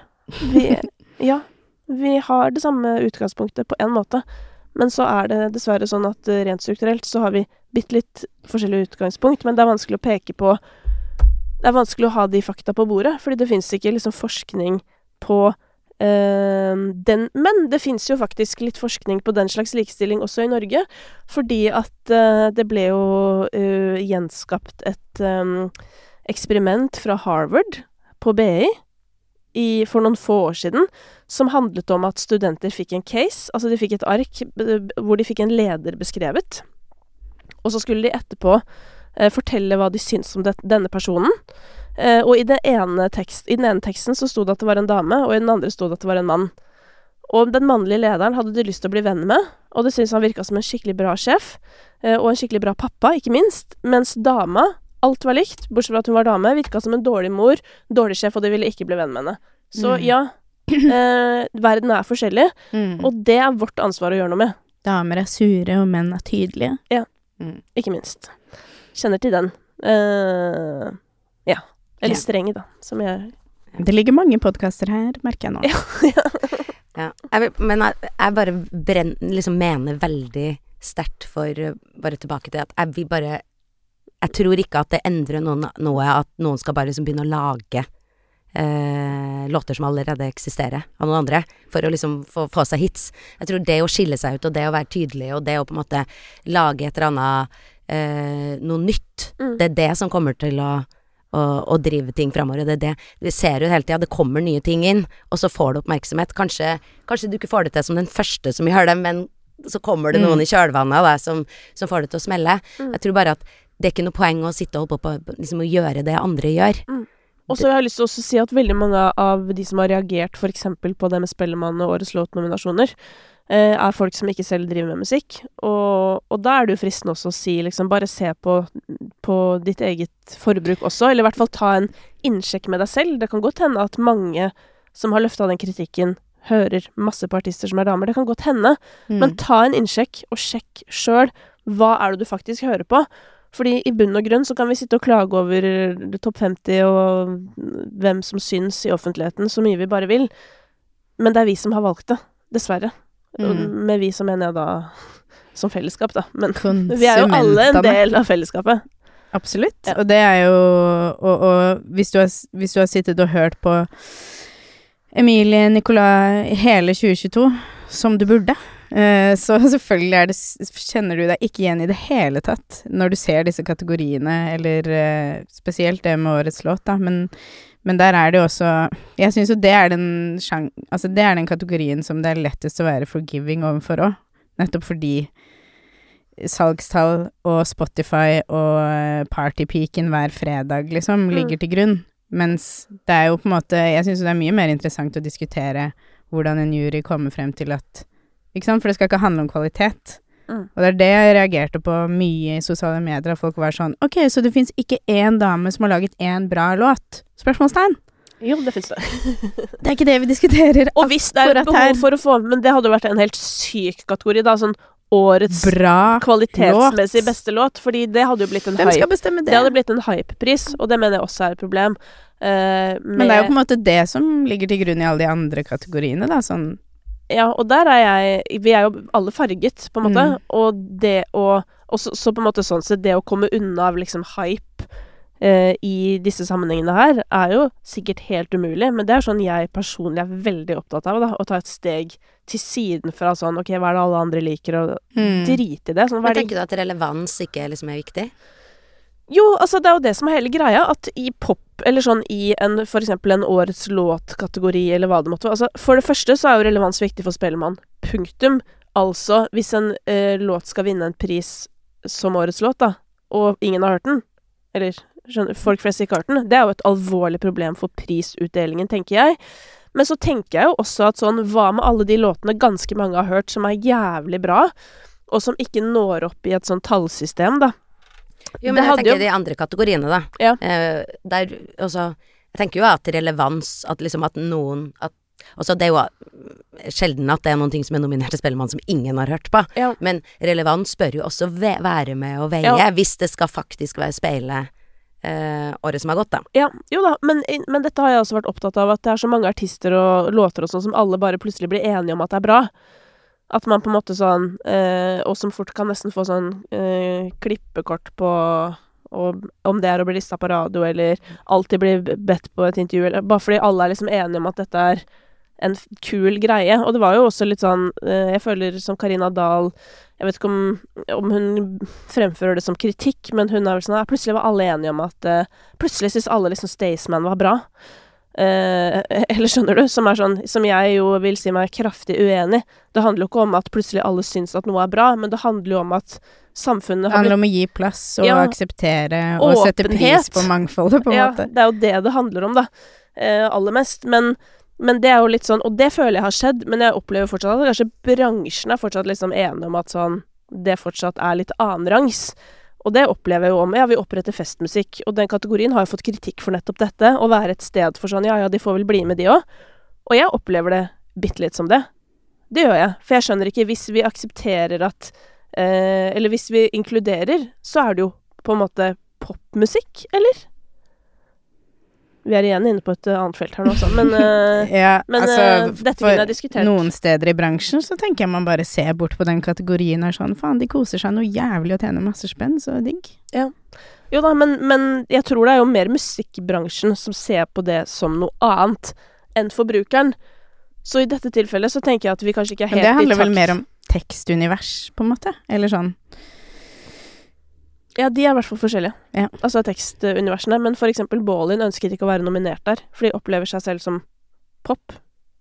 Ikke sant? Sånn at det er jo noe identitetsting også for artister. Jeg tror også at det er liksom en slags forvirring om hva den kategorien egentlig skulle være. Ja. Fordi at jeg tror eh, Slik jeg forsto det når den kom, så var det liksom de som skal si Som faller utenfor eh, country og faller ute, utenfor vise og faller Altså liksom bygdebanda, da, som rotløs. reiser Ja, rotløs, og, og som liksom reiser land og strand rundt og spiller på alle de små stedene og, Ja. og har et liksom et veldig liksom ikke-bypublikum, da, på et eller annet vis. Ja. Og så i en sånn slags sånn fest på lokale-aktig kategori. Uh, og, men så kaller du det festmusikk, og så tenk, gir du Og så er det Beethoven som vinner, og Beethoven lager jo popmusikk. Ja. Så da er jo på en måte Hva er det da? Ja. Eh, så ja. Men jeg føler at den kategorien bare har jeg skjønner, Nå skjønner jeg ingenting. Nei, men Nå sklei det langt ut i en Spellemann-diskusjon, men det er jo et innspill vi kan sende til uh, en eller annen som har noe med det å gjøre på et tidspunkt. Men, uh, men for å rappe opp det andre vi var her for, da. Uh, er det noe dere brenner nå inne med, som vi ikke har fått snakket om? Garantert. Eh, men jeg kommer ikke på noe nå. Nei, jeg tror kanskje at det eneste Altså hvis man så liksom bare tilbake til det her med liksom internasjonale ambisjoner kontra lokale ambisjoner og, og sånn, da, Ja. så tror jeg liksom bare at eh, hos oss så er jo de vi, liksom våre største spydspisser ut i verden, er kvinnelige artister. Og det har det vært lenge. Mm. Og, og det er klart at eh, det er mannlige i miksen òg, men det er jo helt klart på en måte eh, våre største eksportartister eh, artister er er jo ikke- kvinnelige artister. Det er jo ikke så mange år siden, tror kanskje akkurat vi tre, eller i hvert fall vi to, diskuterte sånn Hvor er den mannlige Ja. popfyren? Hvor er den mannlige popstjerna vår? Ja, altså den mannlige Astrid S. Ja. Eh, og da tenkte vi på Som var engelskspråklig, da. For da Mhm. hadde vi jo definitivt Sondre Justad, Ja. som er popstjerna vår. Ja. Men, Men, ja. men det er liksom vår, at vi bruker det helt klart mest ressurser, hvis man skal si det sånn, da, Mm. ut i verden, er jo de kvinnelige artistene. Eh, Men det er på en måte Altså, det er fokus her hjemme òg, men det er veldig fokus på hele verden, da. Ja. Og da Ja. Det er en annen type måte å jobbe på Ja. også. Selv om vi alle vet jo at liksom lokalmarkedet er viktig, også hvis du skal ut. Men akkurat sånn som eh, lokalmarkedet vårt er akkurat nå, da, så er det jo vanskelig hvis du synger på engelsk. Mye Ja. vanskeligere. Folk er ikke keen på det. Det treffer ikke like hardt på TikTok. Det treffer deg ikke rett i, i fleisen. Ja, ja. Ja, ja men eh, takk for uh, debatteringen. Um, tanker. Ditto. Og eh, ikke minst um, forhåpentligvis inspirerende ord, da, for alle spirer der ute. Jeg håper Ja. det. For hyggelig. Jeg hadde aldri trodd at jeg skulle bli invitert til Kristine Danke-podkast. Men, eh, men virkelig, altså, takk for tanker, og ikke minst, eh, for å si noe, pos noe positivt på slutten Det er Det eh, behind the scenes en stor fremgang, og etter hvert også forhåpentligvis in front of the scenes. Yes. På, på. På. On the scene. Mom deserves the best, and there's no better place to shop for Mother's Day than Whole Foods Market. They're your destination for unbeatable savings, from premium gifts to show-stopping flowers and irresistible desserts. Start by saving 33% with Prime on all body care and candles. Then get a 15-stem bunch of tulips for just $9.99 each with Prime. Round out Mom's menu with festive rosé, irresistible berry chantilly cake, and more special treats. Come celebrate Mother's Day at Whole Foods Market. Even when we're on a budget, we still deserve nice things. Quince is a place to scoop up stunning high-end goods for 50 to 80% less than similar brands. They have buttery soft cashmere sweaters starting at $50, luxurious Italian leather bags, and so much more. Plus, Quince only works with factories that use safe, ethical, and responsible manufacturing. Get the high-end goods you'll love without the high price tag with Quince. Go to quince.com slash style for free shipping and 365-day returns.